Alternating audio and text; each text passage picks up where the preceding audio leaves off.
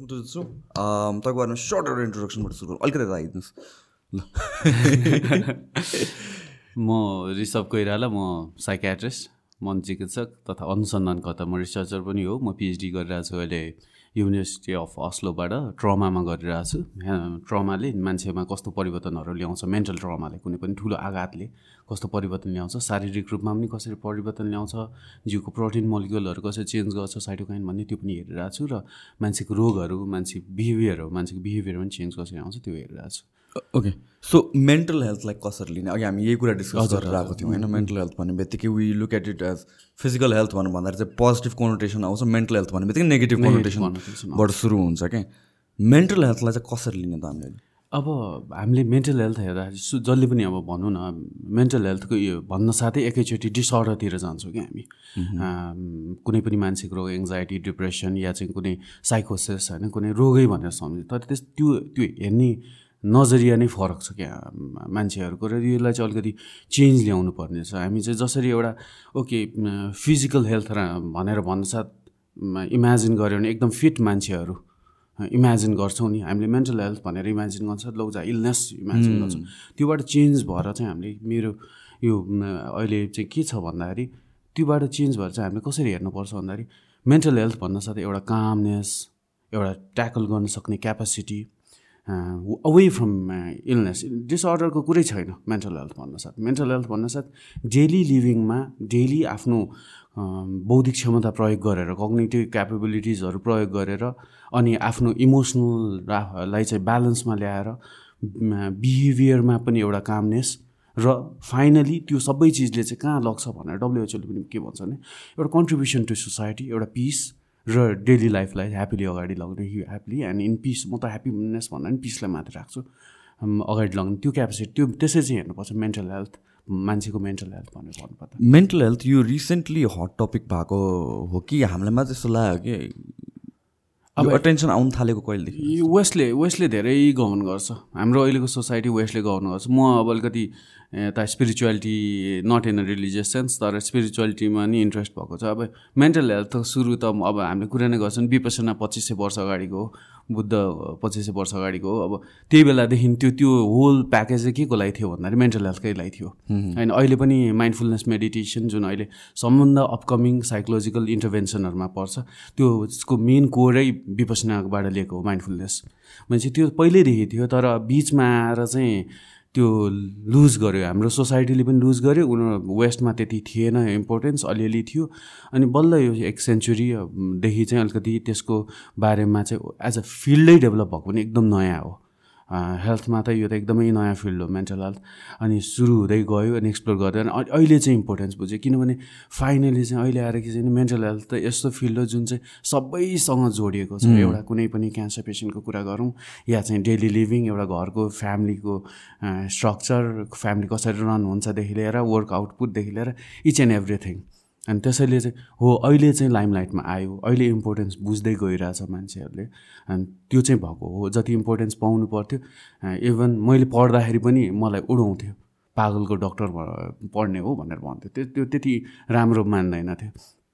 तर अहिले चाहिँ चेन्ज भएको छ र अझ हाम्रो सोसाइटीमा पहिला त अब वेस्टले त एकदमै अगाडि नै यो चिज अलिकति अगाडि यो अहिलेको जेनेरेसनको कुरा गर्दाखेरि अहिलेको सोसाइटी बुझ्यो।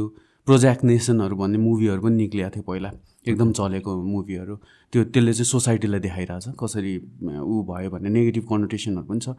तर अब हाम्रोमा चाहिँ सबभन्दा फर्स्टमा माओवादी द्वन्द्वकालले अलिकति टच गरायो मान्छेको मेन्टल हेल्थको बारेमा इस्युहरू। तर मेजर इम्प्याक्ट मैले भिजिबल मान्छेहरूले देखेको इम्प्याक्ट चाहिँ यो अर्थक्वेक पछि पहिला मानसिक रोग अनुसार साइकोसिस मानसिक सन्तुलन गुमाउनु भन्थ्यो भने अर्थक्वेक पछि चाहिँ सबैले मानसिक रोग भन्नुसार डिप्रेसनतिर लग्यो। एटलिस्ट सफ्टन भयो त्यो स्टिङमा घटेर गयो। अर्थक्वेक त आफ पर्सनली मलाई पनि इट वाज मेरो बिगेस्ट फियर थियो कि अर्थक्वेक आउनुभन्दा अगाडिदेखि। मैले आई थिङ्क इलेभेन टुवेल्भदेखि रिसर्च गर्दै त्यहाँ एम्पे एम्पेन्डिक एउटा अर्थक्वेक आउनु लागेको छ द्याट थिङ भनेर। सो ठ्याक्क अर्थक्वेक आउँदाखेरि it was like my biggest fear coming into life क्या?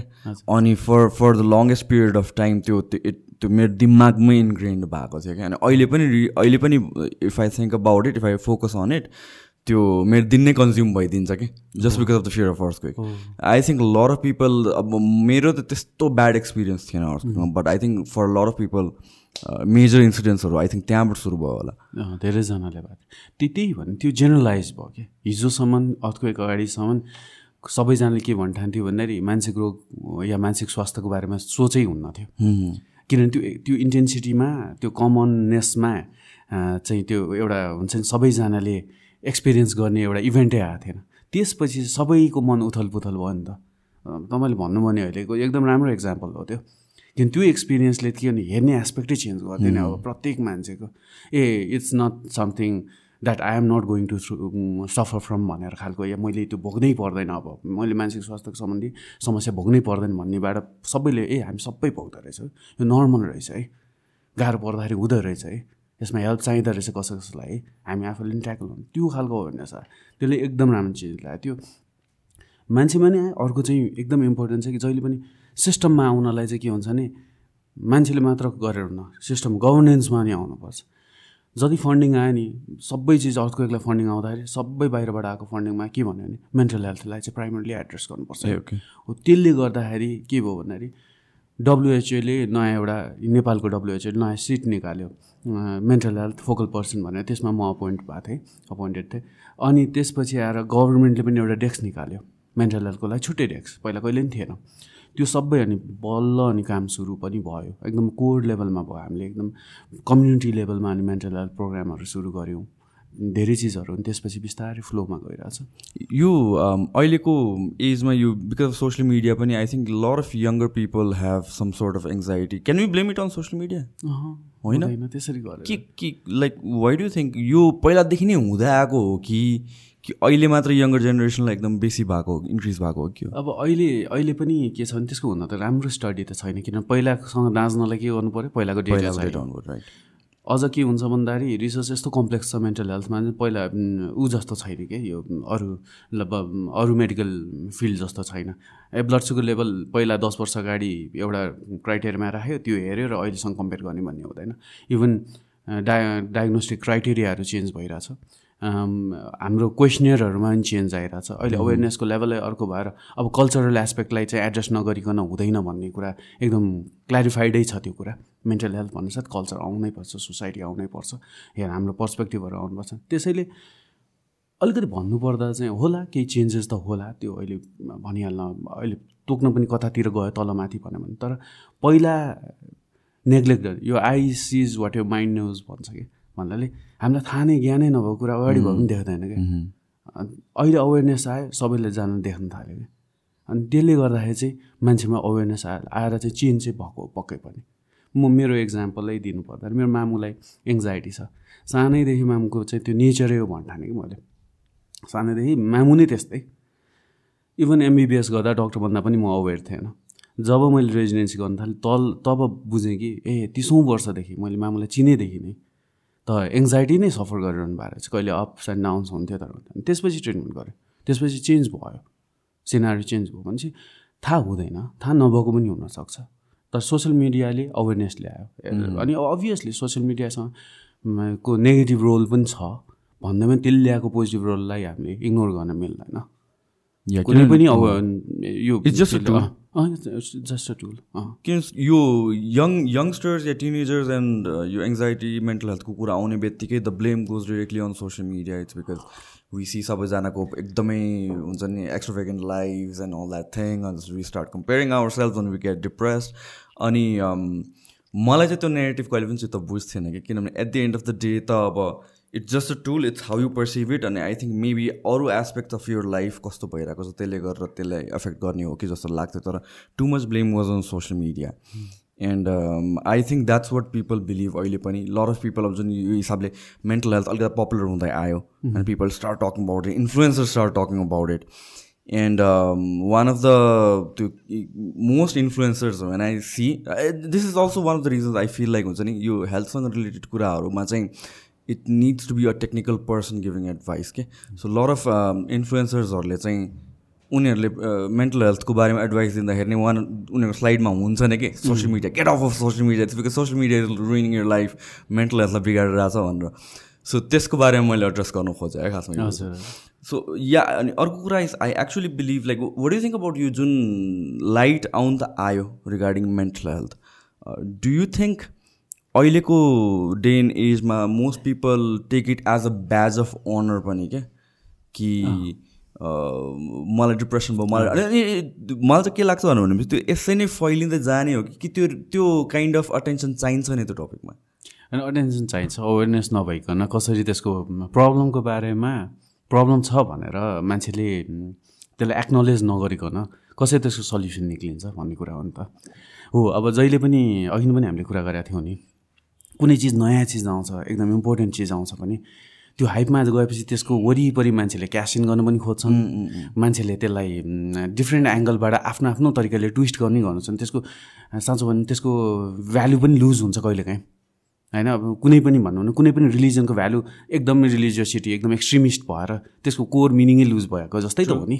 सबै सबै चिजहरू त्यही हो। अघि नभने जस्तो सोसियल मिडिया भने जस्तै कि अब तरबार अब एटम मम युजलेस चिज हो र हार्मफुल चिजहरू होइन नि। त्यो त प्रोटेक्ट गर्ने त्यसले धेरै चिजहरू गर्ने सेप गर्ने यी एनर्जी हो नि। अब कतापट्टि लग्छौँ भन्ने कुरा हो। त्यस्तै हो यो अवेरनेस पनि त्यही हो। हो अब अलिकति हाइप भयो अब कति सेलिब्रिटीहरूले गर्नु त्यो ऊ भयो उहाँहरूले भन्नुभयो मलाई यस्तो छ। त्यो अवेरनेसको लागि थियो तर कतिजनाले चाहिँ यसलाई मलाई पनि छ मलाई पनि छ भने देखाउनलाई गर्ने पनि अलिअलि भयो। त्यो तर लिनुपर्छ एक्सेप्टेन्स हो। अघि न हामीले मेन्टल हेल्थको कुरा गरे जस्तै मा कुरा गरे जस्तै हो क्या। के सबै जहिले पनि ह्याप्पी हुनुपर्छ। हुनै पर्दैन नि। हुनै पर्दैन जहिले पनि ह्याप्पी हुनै पर्दैन दुःखी हुनु एङ्सियस हुनु आत्तिनु एउटा नर्मेलिटीमा ल्याउनु पऱ्यो त्यो चिजहरूलाई पनि। इट्स पार्ट अफ लाइफ भनेर एक्सेप्ट गर्नु पऱ्यो खालि त्यसले चाहिँ ओभरकम गर्नु भएन आफूलाई। वान थिङ मलाई चाहिँ अलिकति चित्त नबुझ्ने इज वेन अवेरनेस ल्याउनुसम्म ठिक छ तर when influencer start giving actual एडभाइसहरू मलाई चाहिँ I don't know how you think about it मलाई चाहिँ आई फिल लाइक हेल्थ भन्ने टपिक सेन्सिटिभ हो भनेर भन्छ नि त हामीहरूले।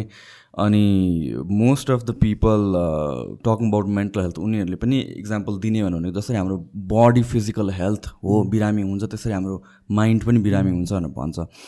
जसरी फिजिकल हेल्थको we take advice from we take it very seriously नि त होइन? We take it advice from people who are into it mental हेल्थको पनि त्यसरी नै ट्रिट गर्नुपर्छ जस्तो लाग्छ. आई मिन लाइक अलिकता सानोतिनो एडभाइसहरू त अब लिन सकिन्छ तर we need to take it seriously र त्यो टेक्निकल मान्छेहरूसँग कन्सल्ट गर्नुपर्छ. अहिले अहिले चाहिँ विसी लाइक हुन्छ लर अफ इन्फ्लुएन्सर्स गुगलको भरमा एडभाइस दिने न थिङहरू एन्ड आई थिङ्क त्यो कल्चर इज ब्याड जस्तो लाग्छ. अब you being in this field how do you think about अब यो किन भयो भन्ने कुरा आउँछ कि फर्स्टमा चाहिँ।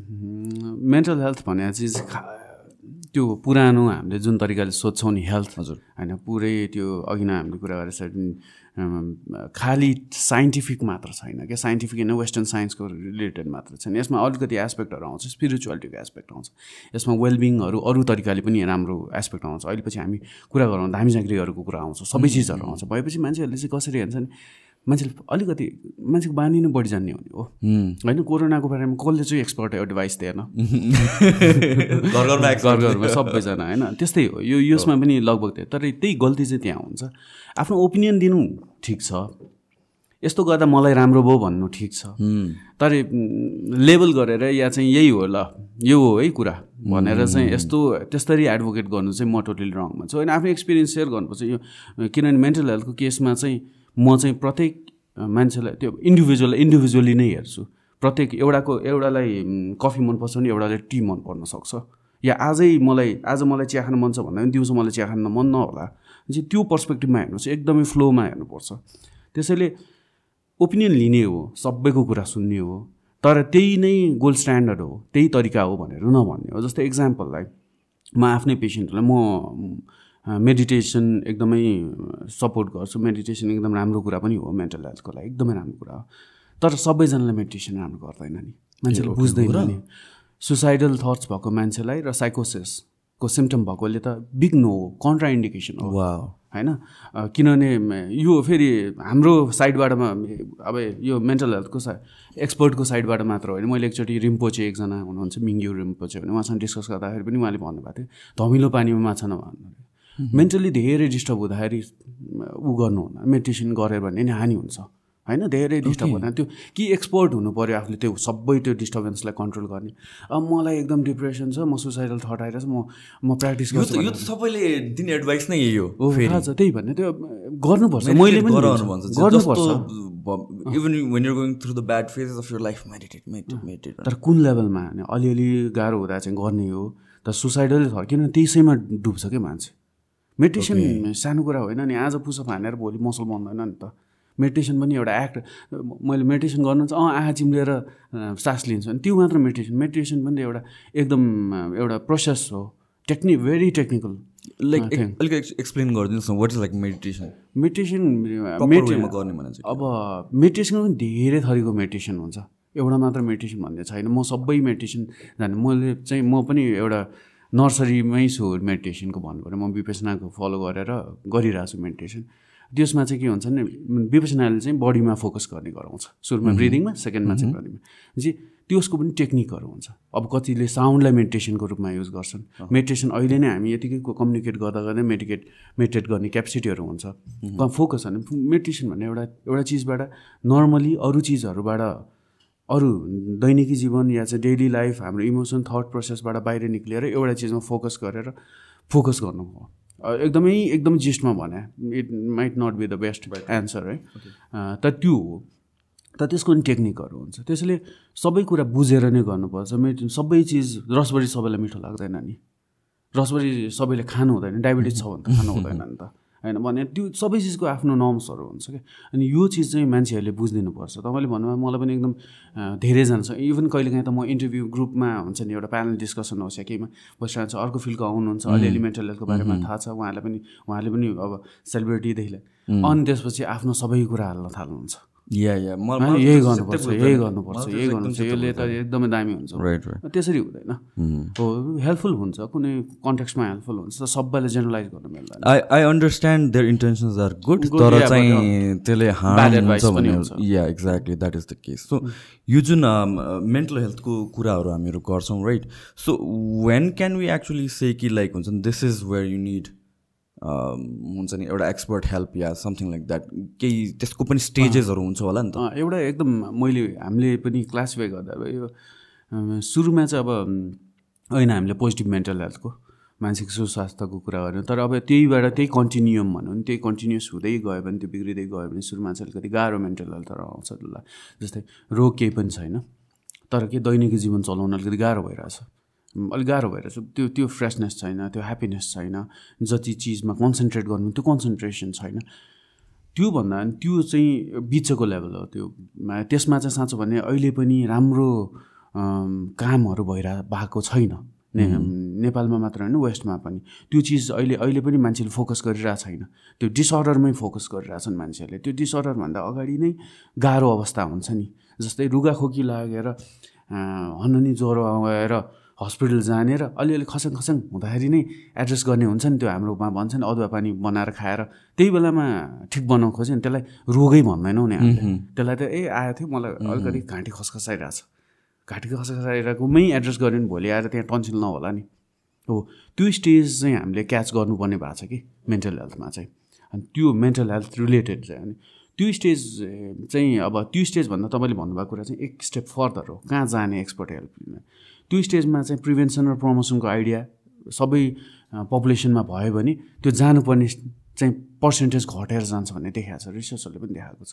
र तर मैले डिकमेन्ट अघि क्वेसनको एन्सर डिमार्केसन राख्नु पऱ्यो भने चाहिँ आफ्नो बिहेभियरमा चेन्ज आफ्नो डेली एक्टिभिटिजमा चेन्ज जसले गर्दा सोस सोसियो अकुपेसनल डिसफङ्सन या चाहिँ आफ्नो एजुकेसनमा डिसफङ्सन कुनै पनि मेजर पार्ट अफ लाइफमा डिसफङ्सन हुन थाल्यो काम गर्न बाधा हुन थाल्यो। ममा एङ्जाइटी बढेर मेरो इमोसनल सेन्सिटिभिटी बढेर म चिडचिडापन बढ्नु म रोएको सानसानो कुरामा रुन थाल्ने। त्यसले गर्दाखेरि मेरो पार्टनरसँगको रिलेसनसिप त्यसले बिगार्न थाल्यो। या चाहिँ मेरो बच्चासँगको रिलेसनसिप या चाहिँ मेरो प्यारेन्ट्सको रिलेसनसिप या केही त्यस्तै चिजहरू भनौँ न बिगार्न थाल्यो भने चाहिँ त्यहाँ आएर चाहिँ इस्यु आयो भनेर बुझ्नुपर्छ मान्छेले। अर्को चाहिँ के हुनसक्छ सबै घरको या चाहिँ फ्रेन्ड्स फ्यामिली सर्कलहरूमा मेन्टेन गरिरहेछ तर काममा बाधा हुन थाल्यो। हिजो मजासँग तपाईँ पोडकास्ट चलाएर बसिरहनु भएको थियो। अहिले अब थाहा हुँदैन एङ्जाइटी बढ्दै गयो। आफूले नै रन गरेर पोडकास्टमा आउँदाखेरि अलि एङ्जाइटी बढ्ने कन्भर्सेसन गर्न गाह्रो हुने त्यो हुन थाल्यो। भनेपछि ल अब कहीँ इस्यु आयो। भनेर यस्तै कुरो या एजुकेसनमा हिजोसम्म राम्रै पर्फर्मेन्स भइरहेको थियो पढाइमा। अलिकति डिटोरेसन हुन थाल्यो। Without any cause we effort we attendance सबै चिज राम्रो हुँदा हुँदै। हो यसरी कुनै चिजमा चाहिँ आफूमा चेन्ज देखियो भने चाहिँ मेन्टल हेल्थ एक्सपर्ट कहाँ गएर चाहिँ डिस्कस गर्ने हो? औषधि लिन जाने होइन। सुरुमै डिस्कस गर्न जाने हो। I I think this is a स्टिकमा अर्को चाहिँ मेन्टल के लाइक काउन्सिलिङ गर्न गयो कि औषधि नै प्रेसक्राइब गर्छ भनेर चाहिँ त्यो एकदम रङ त्यो त्यो एउटा सोचिन्छ अनि अर्को कुरा इज औषधि चाहिने स्टेजमा पुगे पनि औषधि खान नमान्ने स्टेज पनि छ क्या फेरि यो। एकदम इन्ट्रेस्टिङ स्टेज छ त्यो है before we jump into that एङ्जाइटीको कुरा गरौँ। एङ्जाइटी भनेको त इट्स भेरी कमन होइन र? एङ्जाइटी भने नर्मल ह्युमन रियाक्सन हो। तर त्यही नर्मल ह्युमन रियाक्सन यति बढ्यो अरे। जस्तै एउटा इक्जाम्पल दिउँ है। म म आज यहाँ आएँ यहाँ कुरा गरिरहेको छु। अलिअलि एङ्जाइटी हुनसक्छ। अब अहिले त अलिकति बानी भएर मलाई anxiety- तर फर्स्टमा आउँदा त अलिअलि एङ्जाइटी हुन्छ नि त। राइट राइट एङ्जाइटी भयो कुरा गरेँ सबै राम्रो भयो। त्यो नर्मल एङ्जाइटी भयो। आज आउनुपर्छ केयरलेसै भइदिए भए एङ्जाइटी अलिकति नभएर केयरलेस भइदिए म अलिकति यसको ब्याकग्राउन्ड रिसर्च गर्दिनँ थिएँ मेरो क्वालिटी आज कम हुन्थ्यो त्यसैले एङ्जाइटी हेल्पफुल पनि हुन्छ। एङ्जाइटी भएन भने म्याक्सिममले जहाँसम्म पढ्दैन थियो होला होइन? ट्रु अब एफर्ट लगाउँदैन थियो कुनै पनि चिजमा एफर्ट लगाउँदैन करियरलाई सिरियस लिन्थेन होला लिँदैन थियो लाइफलाई नै लाइफको कति एस्पेक्टलाई नै सिरियसली हुँदैन। भोलि रिलेसनसिपलाई नै सिरियसली केही मतलबै भएन। भन्ने खालको त्यो त्यो खालको हुन्थ्यो त्यसले पनि एउटा सस्टेन गरेर हुन्छ हाम्रो पर्फर्मेन्स सस्टेन गरेर हुन्छ र अब एउटा एउटा गुड अमाउन्ट अफ एङ्जाइटी जहिले पनि लाइफलाई ग्रो गर्न हेल्प गर्छ। हाम्रो लर्निङ एक्सपिरियन्स हो। तर त्यही चिज अब यहाँ स्टेजमा आएँ तर म एकदम एङ्सियस भएँ। बोल्दा बोल्दै म थट ब्लक भएर म बोल्नै सकिनँ अरे। अब त्यो त बिग्रियो। आजको यो होल इन्टरभ्यू बिग्रियो। हो अब त्यही एङ्जाइटी अघिसम्म भित्र मोटो ढुकढुक भयो नि राम्रो बोले पनि नर्मलै थियो प्रिपेयर गरेर आएँ। अब अहिले बोल्नै बन्द भयो भने चाहिँ त्यो चाहिँ डिसअर्डरमा गयो। अघि नै भनेको सोसियो अकुपेसनल एजुकेसनल डिसफङ्सन त्यो डिसफङ्सन ल्याउन साथै हामीले बुझ्नुपर्छ कि ल अलि बढी भइसक्यो। अब यसलाई चाहिँ एड्रेस गर्नै पर्छ नत्र हाम्रो लाइफ अगाडि जुन पर्फर्मेन्स दिनुपर्ने त्यो दिन सक्दैन। त्यसरी चाहिँ हामीले छुट्याउँछौँ। सो एङ्जाइटीलाई कसरी एड्रेस गर्न सकिन्छ त? एड्र एङ्जाइटीलाई अघि नै भने जस्तै एउटा लेभल एङ्जाइटी जुन आफूले जसले आफूलाई डिस्टर्ब गर्दैन अझ ग्रो गराउँछ त्यो ठिक हो। तर त्योभन्दा माथिको लेभलको एङ्जाइटीहरूलाई चाहिँ कन्ट्रोल गर्ने पनि हाम्रो त्यही अघि नै प्रमोसन प्रिभेन्सनको कुरा गर्दाखेरि धेरै टेक्निकहरू छ। लाइफस्टाइलै हो बेसिक लाइफस्टाइलै हो। लाइफ मान्छेको एङ्जाइटीलाई अब हाम्रो खानपिनमा पनि फरक पर्छ। कफी मान्छेले एकदमै हाम्रो नेपालमा चाहिँ कस्तो भने अहिले कफी खान्छु भन्दा पनि त्यो अघि नै भने जस्तै डिप्रेसन भएर जस्तै फ्यासन भइसक्यो। मिठो लाए पनि नलाए पनि। कफी के इन्ट्रेस्ट भए पनि नभए पनि कफी खान्छु। कफी खानु नै अलिक कुल देखिने चिज हो। भने यति धेरै कफी खानु थालेको म्याक्सिमम् एङ्जाइटी त्यो त्यसले पनि ट्रिगर गर्छ। रेकमेन्डेड डोसेज भन्ने हुन्छ क्या? डोजेस भन्ने यो पनि कस्तो हो भन्दाखेरि रेकमेन्डेड डोजेस अहिलेसम्म कफीको चाहिँ त्यस्तो चाहिँ छैन। लाइक फर इक्जाम्पल क्याफिनको चाहिँ फोर हन्ड्रेड एमजीसम्म भन्नुपर्छ but is it like physiological लेभलको लागि हो कि तपाईँको त्यसलाई पनि एफेक्ट गर्ने हो कि? हो अब सबै कुराको मलाई मलाई. थाहा छैन. त्यो जस्तै तपाईँ यो पनि मेरो लागि इन्ट्रेस्टिङ कुरा हो। फोर हन्ड्रेड एमजी एमजी नै हो त त्यो फोर हन्ड्रेड एमजी नै हो एमजी नै caffeine चाहिँ। हो माइक्रोग्राम हो कि? हो हो। माइक्रोग्राम नै हो। माइक्रोग्राम भने नि एमसिजी हो त्यो। हामी त्यो माइक्रोग्राम भने चाहिँ एमसिजी मिलिग्राम भने चाहिँ एमजी एमजी नै भनेर त्यसो भए हो। हो, त धेरै हाई नै हो। त्यसो भए त। त्यो त मैले सोचेँ भने जस्तो कि वान कपमा त तपाईँको एट्टीदेखि हन्ड्रेड ट्वेन्टी एमजी हुन्छ क्याफिन होइन?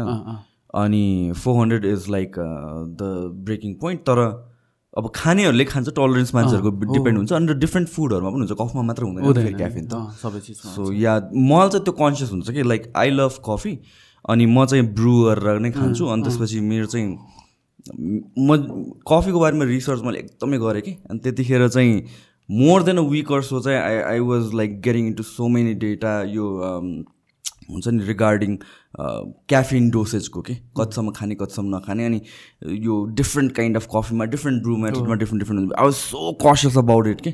किनभने कफी मलाई चाहिन्छ नि पनि छैन त्यस्तो।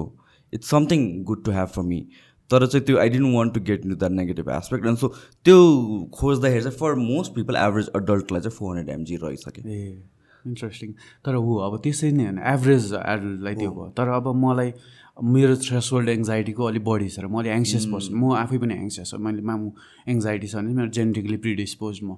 इट्स जेनेटिक्स अँ जेनेटिक्स एकदम ठुलो रोल छ नि। मेन्टल हेल्थको होल थिङहरूमा एकदमै एकदमै। इभन एडिक्सनहरू तपाईँले हेर्नु भने सुसाइड फ्यामिली हिस्ट्री हेर्नु भने एकदम स्ट्रङ हुन्छ नि धेरैमा। त्यसैले जेनेटिक्सको पनि त्यो यो त धेरै अहिले फेरि हामी कसरी आउँछ पनि कुरा गरौँला त्यसको मेन्टल हेल्थको ओरिजिनको कुराहरू। त्यस्तै अब यो क्याफिन पनि अब त्यो कसैले टोलरेट गर्ने हुन्छ। एङ्जाइटी बढी भएकोलाई अरू केही नभए पनि एङ्जाइटी प्रिडिस्पोज गर्ने। त्यसैले त राति खाँदैन भन्छ। कतिजनाले कफी खायो भने मुटु ढुकढुक गर्छ भन्छ। होइन? निद्रा बिग्रिने त्यो सबै स्टिमुलेन्टको काम गरे भएर। त्यसैले पनि अब त्यो फुड एउटा। हेर्नुपर्ने कुराहरू। एल्कोहलहरू एल्कोहलले पनि सुरुमा खान साथ एङ्जाइटी कम गर्छ तर भोलि रिबाउन्ड हान्छ धेरैजनालाई ह्याङमा चाहिँ एकदम एङ्जाइटी बढ्ने प्यानिकी हुने त्यो हुन्छ। मजासँग हिजो हेभी ड्रिङ्किङ गरिरहेको छ भने त्यो खालको हुन्छ। त्यो फुड भयो फुडसँगै अब कतिलाई क्यानाबिसले गर्छ? गाँजाले गर्छ। सबैलाई गर्छ भन्ने छैन। गाँजाले पनि एङ्जाइटी चाहिँ बढाउँछ अलिकति। प्यारानोया जस्तो अलिकति एङ्जाइटी भयो सबैलाई होइन। तर लाइक मेरोवानालाई चाहिँ इट्स गुड फर एङ्जाइटीहरू पनि भन्नु पर्ने इज इट लाइक होइन होइन त्यो त्यसको पनि कम्पोनेन्टहरू हुन्छ। यस्तो कसरी बुझ्नु पऱ्यो भन्दाखेरि अहिले हलुसनोजेन म्यारिवाना मात्र होइन। LST acid DMT magic mushroom यो सबैमा ठुलो रिसर्च हुँदैछ। अर्को रिभोल्युसन आउनेवाला छ मेन्टल हेल्थमा हलुसिनेसनको ट्रिटमेन्टको रूपमा। ओके तर marijuana is good for anxiety चाहिँ भनेर त्यस्तरी अघि नै हामीले कुरा गरेको थियौँ नि। जेनरलाइज जेनरलाइज भयो कि कसैलाई कामिङ इफेक्टहरू गर्ला तर त्यसरी सोच्नु हुँदैन। कुन सिनारियो कुन इन्भाइरोमेन्ट गर्दै अनि झनै अनि त्यसपछि सबैजना धेरैजना एङ्सियस भइदिन्छन्।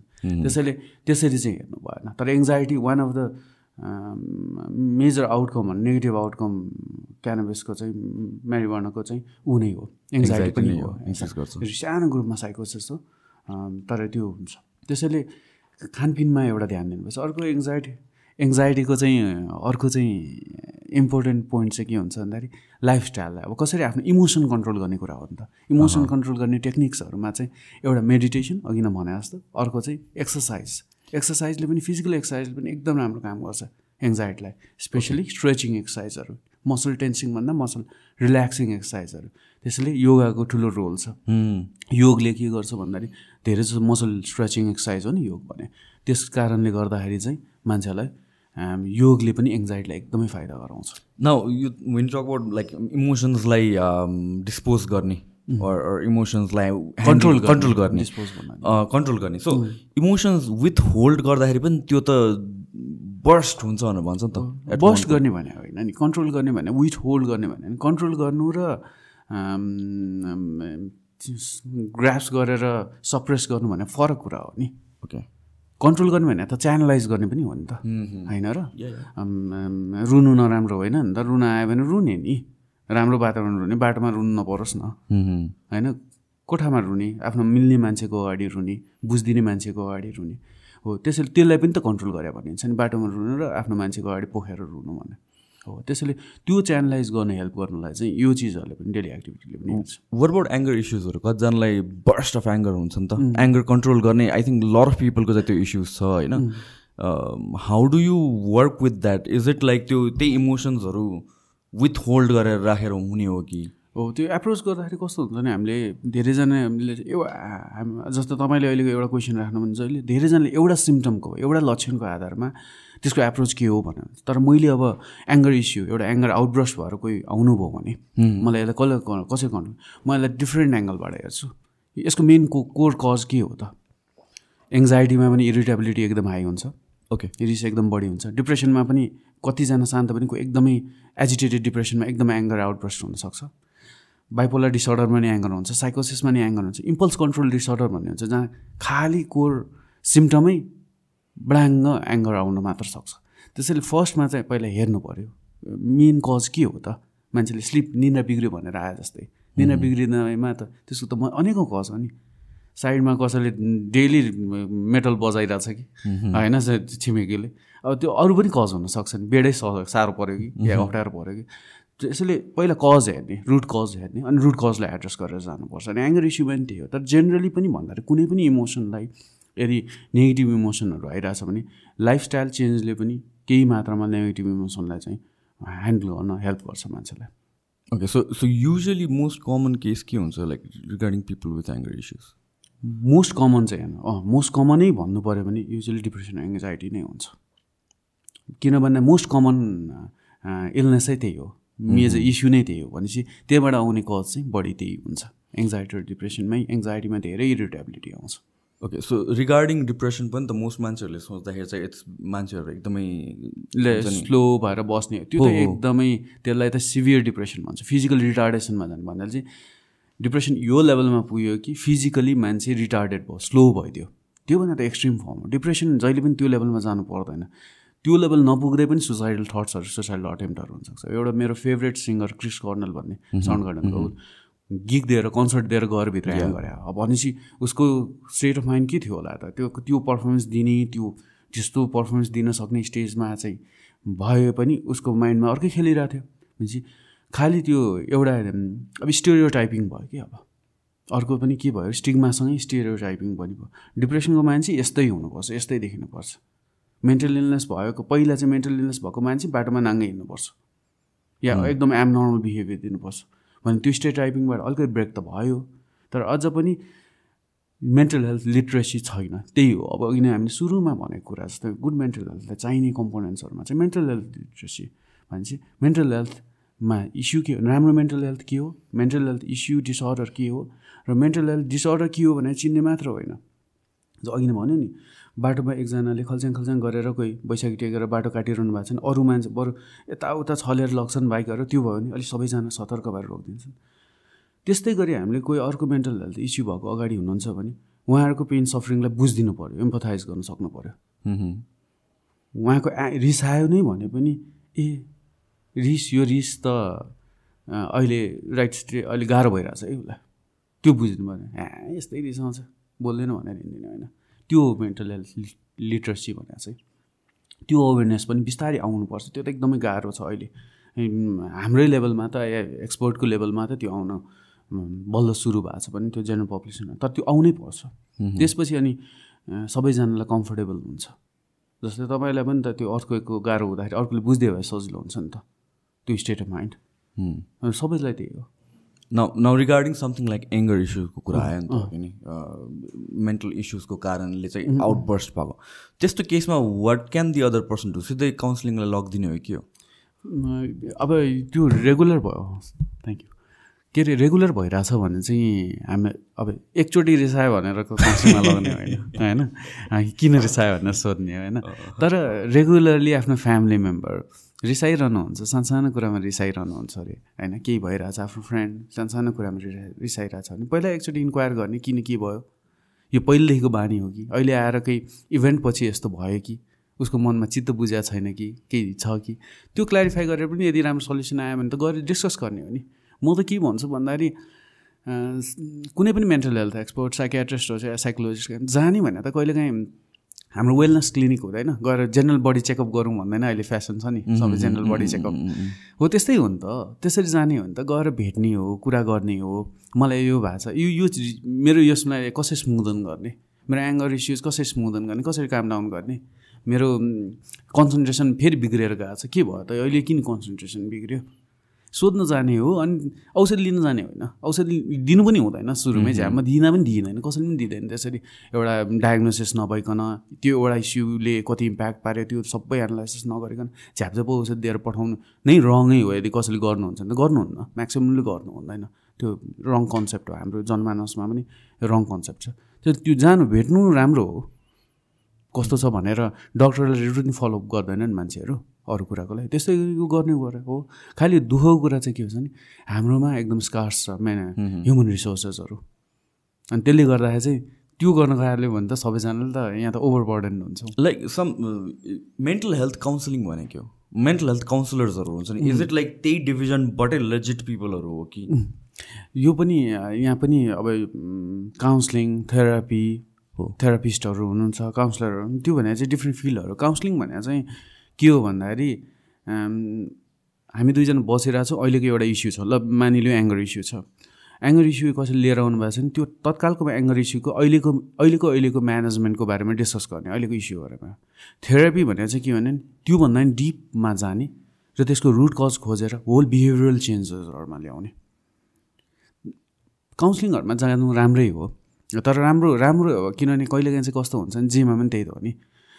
रङ कार्डियोलोजिस्ट कहाँ गयो भने पनि र नराम्रो कार्डियोलोजिस्ट कहाँ गयो भने त झनै हानि पनि हुन्छ नि जहाँ पनि हो नि त होइन? जे भने नराम्रो इन्जिनियरलाई घर बनाउनु थियो भने भर्केला इज इट समथिङ लाइक डक्टरका सबै केसेसमा चाहिँ डक्टरका गइँदैन कति केसेसमा चाहिँ फार्मेसीबाट पनि औषधि लिइन्छ त्यो त एकदम रङ कन्सेप्ट हो त्यही त्यही भन्नु खोजेँ मैले त्यस्तै हो कि भन्नु होइन त्यो चाहिँ होइन त्यो चाहिँ होइन त्यो होइन।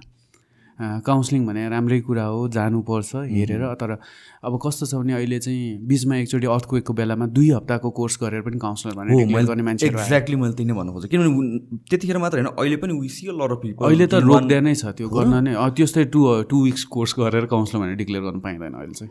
अनलाइनको बेसिसमा and all that thing one week to विकको कोर्सेसहरूको बेसिसमा अनि त्यसपछि मेन्टल हेल्थ काउन्सिलिङ होइन त्यो चाहिँ नेपालमा चाहिँ अहिलेलाई चाहिँ अलिकति रुल रेगुलेसन के छ भने सिक्स मन्थ्सको कोर्स राखेको छ। ए ओके। सिक्स मन्थ्सको कोर्स रहेछ। अनलाइन त गर्न मिल्छ। अनलाइनमा त हाम्रो डिग्री नै हुन्छ। अहिले कोग्नेटिभ बिहेभियर थेरापीको त वर्ल्डको सबभन्दा टप युनिभर्सिटी के अरे इन्स्टिट्युटसँग पनि अनलाइनै गरेर तर यहाँ वान विक टु विकको काइन्ड अफ कोर्सेस त्यसलाई भ्यालिड लेजिट मान्दैन। मानिँदैन। लेजिट मानिँदैन। त्यसैले पनि अलिकति ब्याकग्राउन्ड सर्च गर्नु राम्रो हो आफ्नो थेरापिस्ट किनभने कहिलेकाहीँ नचाहिँदो चिज खोतल्दाखेरि झनै ट्रमाटिक हुन्छ। जस्तै पहिला के भन्थ्यो भने क्याथर पहिला चाहिँ कुनै एउटा इभेन्ट ट्रमा भयो भने त्यसको बारेमा खुलेर कुरा गर्नुपर्छ भन्थ्यो। पहिला अलिकति दस पन्ध्र वर्ष अगाडि चाहिँ त्यो खुलेर कुरा गर्नु सबै कुरा ओपन भन्नु तर अहिले चाहिँ त्यो हार्मफुल पनि हुनसक्छ भन्ने देख्यो। किन भन्दाखेरि रिकल गरेर विदाउट राम्रो protection mental protection emotional protection त्यो नराम्रो चिज रिकल गरिरहँदाखेरि त त्यसले झनै ट्रमा क्रिएट गर्न सक्छ। नराम्रो चिज सम्झिरहँदाखेरि। त्यसैले त्यो सबै चिज विचार गरेर राइट अलिकति वेल ट्रेन्ड होइन त्यति त सर्च गर्न सकिन्छ नि। काउन्सिलर खोज्ने मान्छेले त्यो कति पढाएको छ त्यो काउन्सिलरले कति लिनुभएको छ कोर्सहरू के गर्नुभएको छ त्यति त थाहा पाउन सकिन्छ नि न न मेन्टल इस्युजहरू हुँदाखेरि इज इट लाइक फिजियोलोजिकल लेभलमै केही हुने हो कि is it chemical imbalance or hormonal imbalance हुने हो कि like how does it work अब अहिले म त्यसको अगाडिपट्टि जानु पर्दा अलिक अगाडि नै भन्नुपर्छ कसरी मेन्टल डिसअर्डर के हो? मेन्टल डिसअर्डर के हो क केले लेबल गर्छ मेन्टल डिसअर्डर भन्दाखेरि अहिलेसम्म ठ्याक्कै यही चिज भनेर चाहिँ पत्ता लगाएको छैन। अब चाहिँ कसरी हेर्छौँ भन्दाखेरि हामीले बायोसाइको सोसियल ओरिजिन छ भनेर हेर्छौँ। बायोलोजिकल ओरिजिन भन्नाले जेनेटिक प्रिडिस्पोजिसन अघि नै भने जस्तै त्यो त एकदमै प्रुभन भइसकेको थियो। अहिले रिसर्चहरूले पनि देखाइन्छ ट्विन स्टडीहरू भन्ने हुन्छ। बायोलोजिकल स्टडी कजहरू हुन्छ जेनेटिक अर्को कहिले काहीँ थाइरोइड माथि तल भएर पनि एङ्जाइटी डिप्रेसनहरू आउँछ। थाइरोइड अँ थाइरोइडको माथि तलले पनि आउँछ। मान्छे डाइरेक्ट त देखियो नि त बायोलोजिकल कज छ भनेर। एउटा बायोलोजिकल कज अर्को सोसियल कज जस्तै घर भत्कियो अरे भूकम्पमा दुईजनाको। भनेपछि दुवैजना दाजुभाइ नै भए पनि दुवैजना डिप्रेसनमा जान्छ भने छैन नि। एकजना चाहिँ जान सक्छ। भनेपछि सोसियल इन्भाइरोमेन्ट कोभिडको फियरहरू यो चाहिँ सबै चिजले गर्दाखेरि चाहिँ सोसियल कजले गर्दाखेरि पनि सोसियल इन्भाइरोमेन्टहरूले गर्दाखेरि पनि मेन्टल इलनेस प्रिडिस्पोज हुन्छ। र थर्डमा चाहिँ आफ्नै साइकोलोजी त्यही अघि नै भनेको दाजुभाइ उही फ्यामिली मेम्बर भए पनि उयस्तै खालको घर भत्के पनि उही सोसियल इकोनोमिक ब्याकग्राउन्ड भए पनि एउटाले भन्दा होइन अब मेरो घर भत्क्यो अब मेरो लाइफमा केही पनि छैन। अर्कोले भन्दा ल मेरो यो घर भत्क्यो यो नराम्रो घर बनाउँछु। Half a glass of water भने जस्तो कि। हेर्ने पर्सपेक्टिभ साइकोलोजी प्रत्येकले स्ट्रेसलाई ह्यान्डल गर्ने क्यापेसिटी यो सबै तिनटै चिज मिलेर चाहिँ डिसअर्डरतिर निक्लिन्छ भन्छ। त्यसैले तर अहिलेसम्म चाहिँ अब मैले पनि रिसर्च साइटोकाइन्समा गरेर प्रोटिन लेभलहरू माथि तल हुन्छ कि हुँदैन? कुनै ट्रमाले या कुनै illness post traumatic stress disorder ल्याउँछ कि ल्याउँदैन?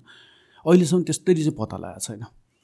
यो जस्तै डायबिटिज मलाइटस भन्छ त्यो सुगर भन्छौँ नि हामी बढ्ने भने। डायबिटिज हुँदाखेरिको चाहिँ थ्रेसोल्ड हेर्नलाई सुगरको लेभल हेर्न मिल्यो भने त्यसरी चाहिँ पत्ता लगाएको छैन। अहिलेसम्म चाहिँ हामी सिम्टम बेसिसमै काम गरिरहेको छौँ। डायग्नोसिसै collection of symptoms criteria meet भयो भनेलाई इनलास भयो त्यसलाई ट्रिटमेन्ट गर्ने अनि त्यो त्यसरी हेर्छौँ।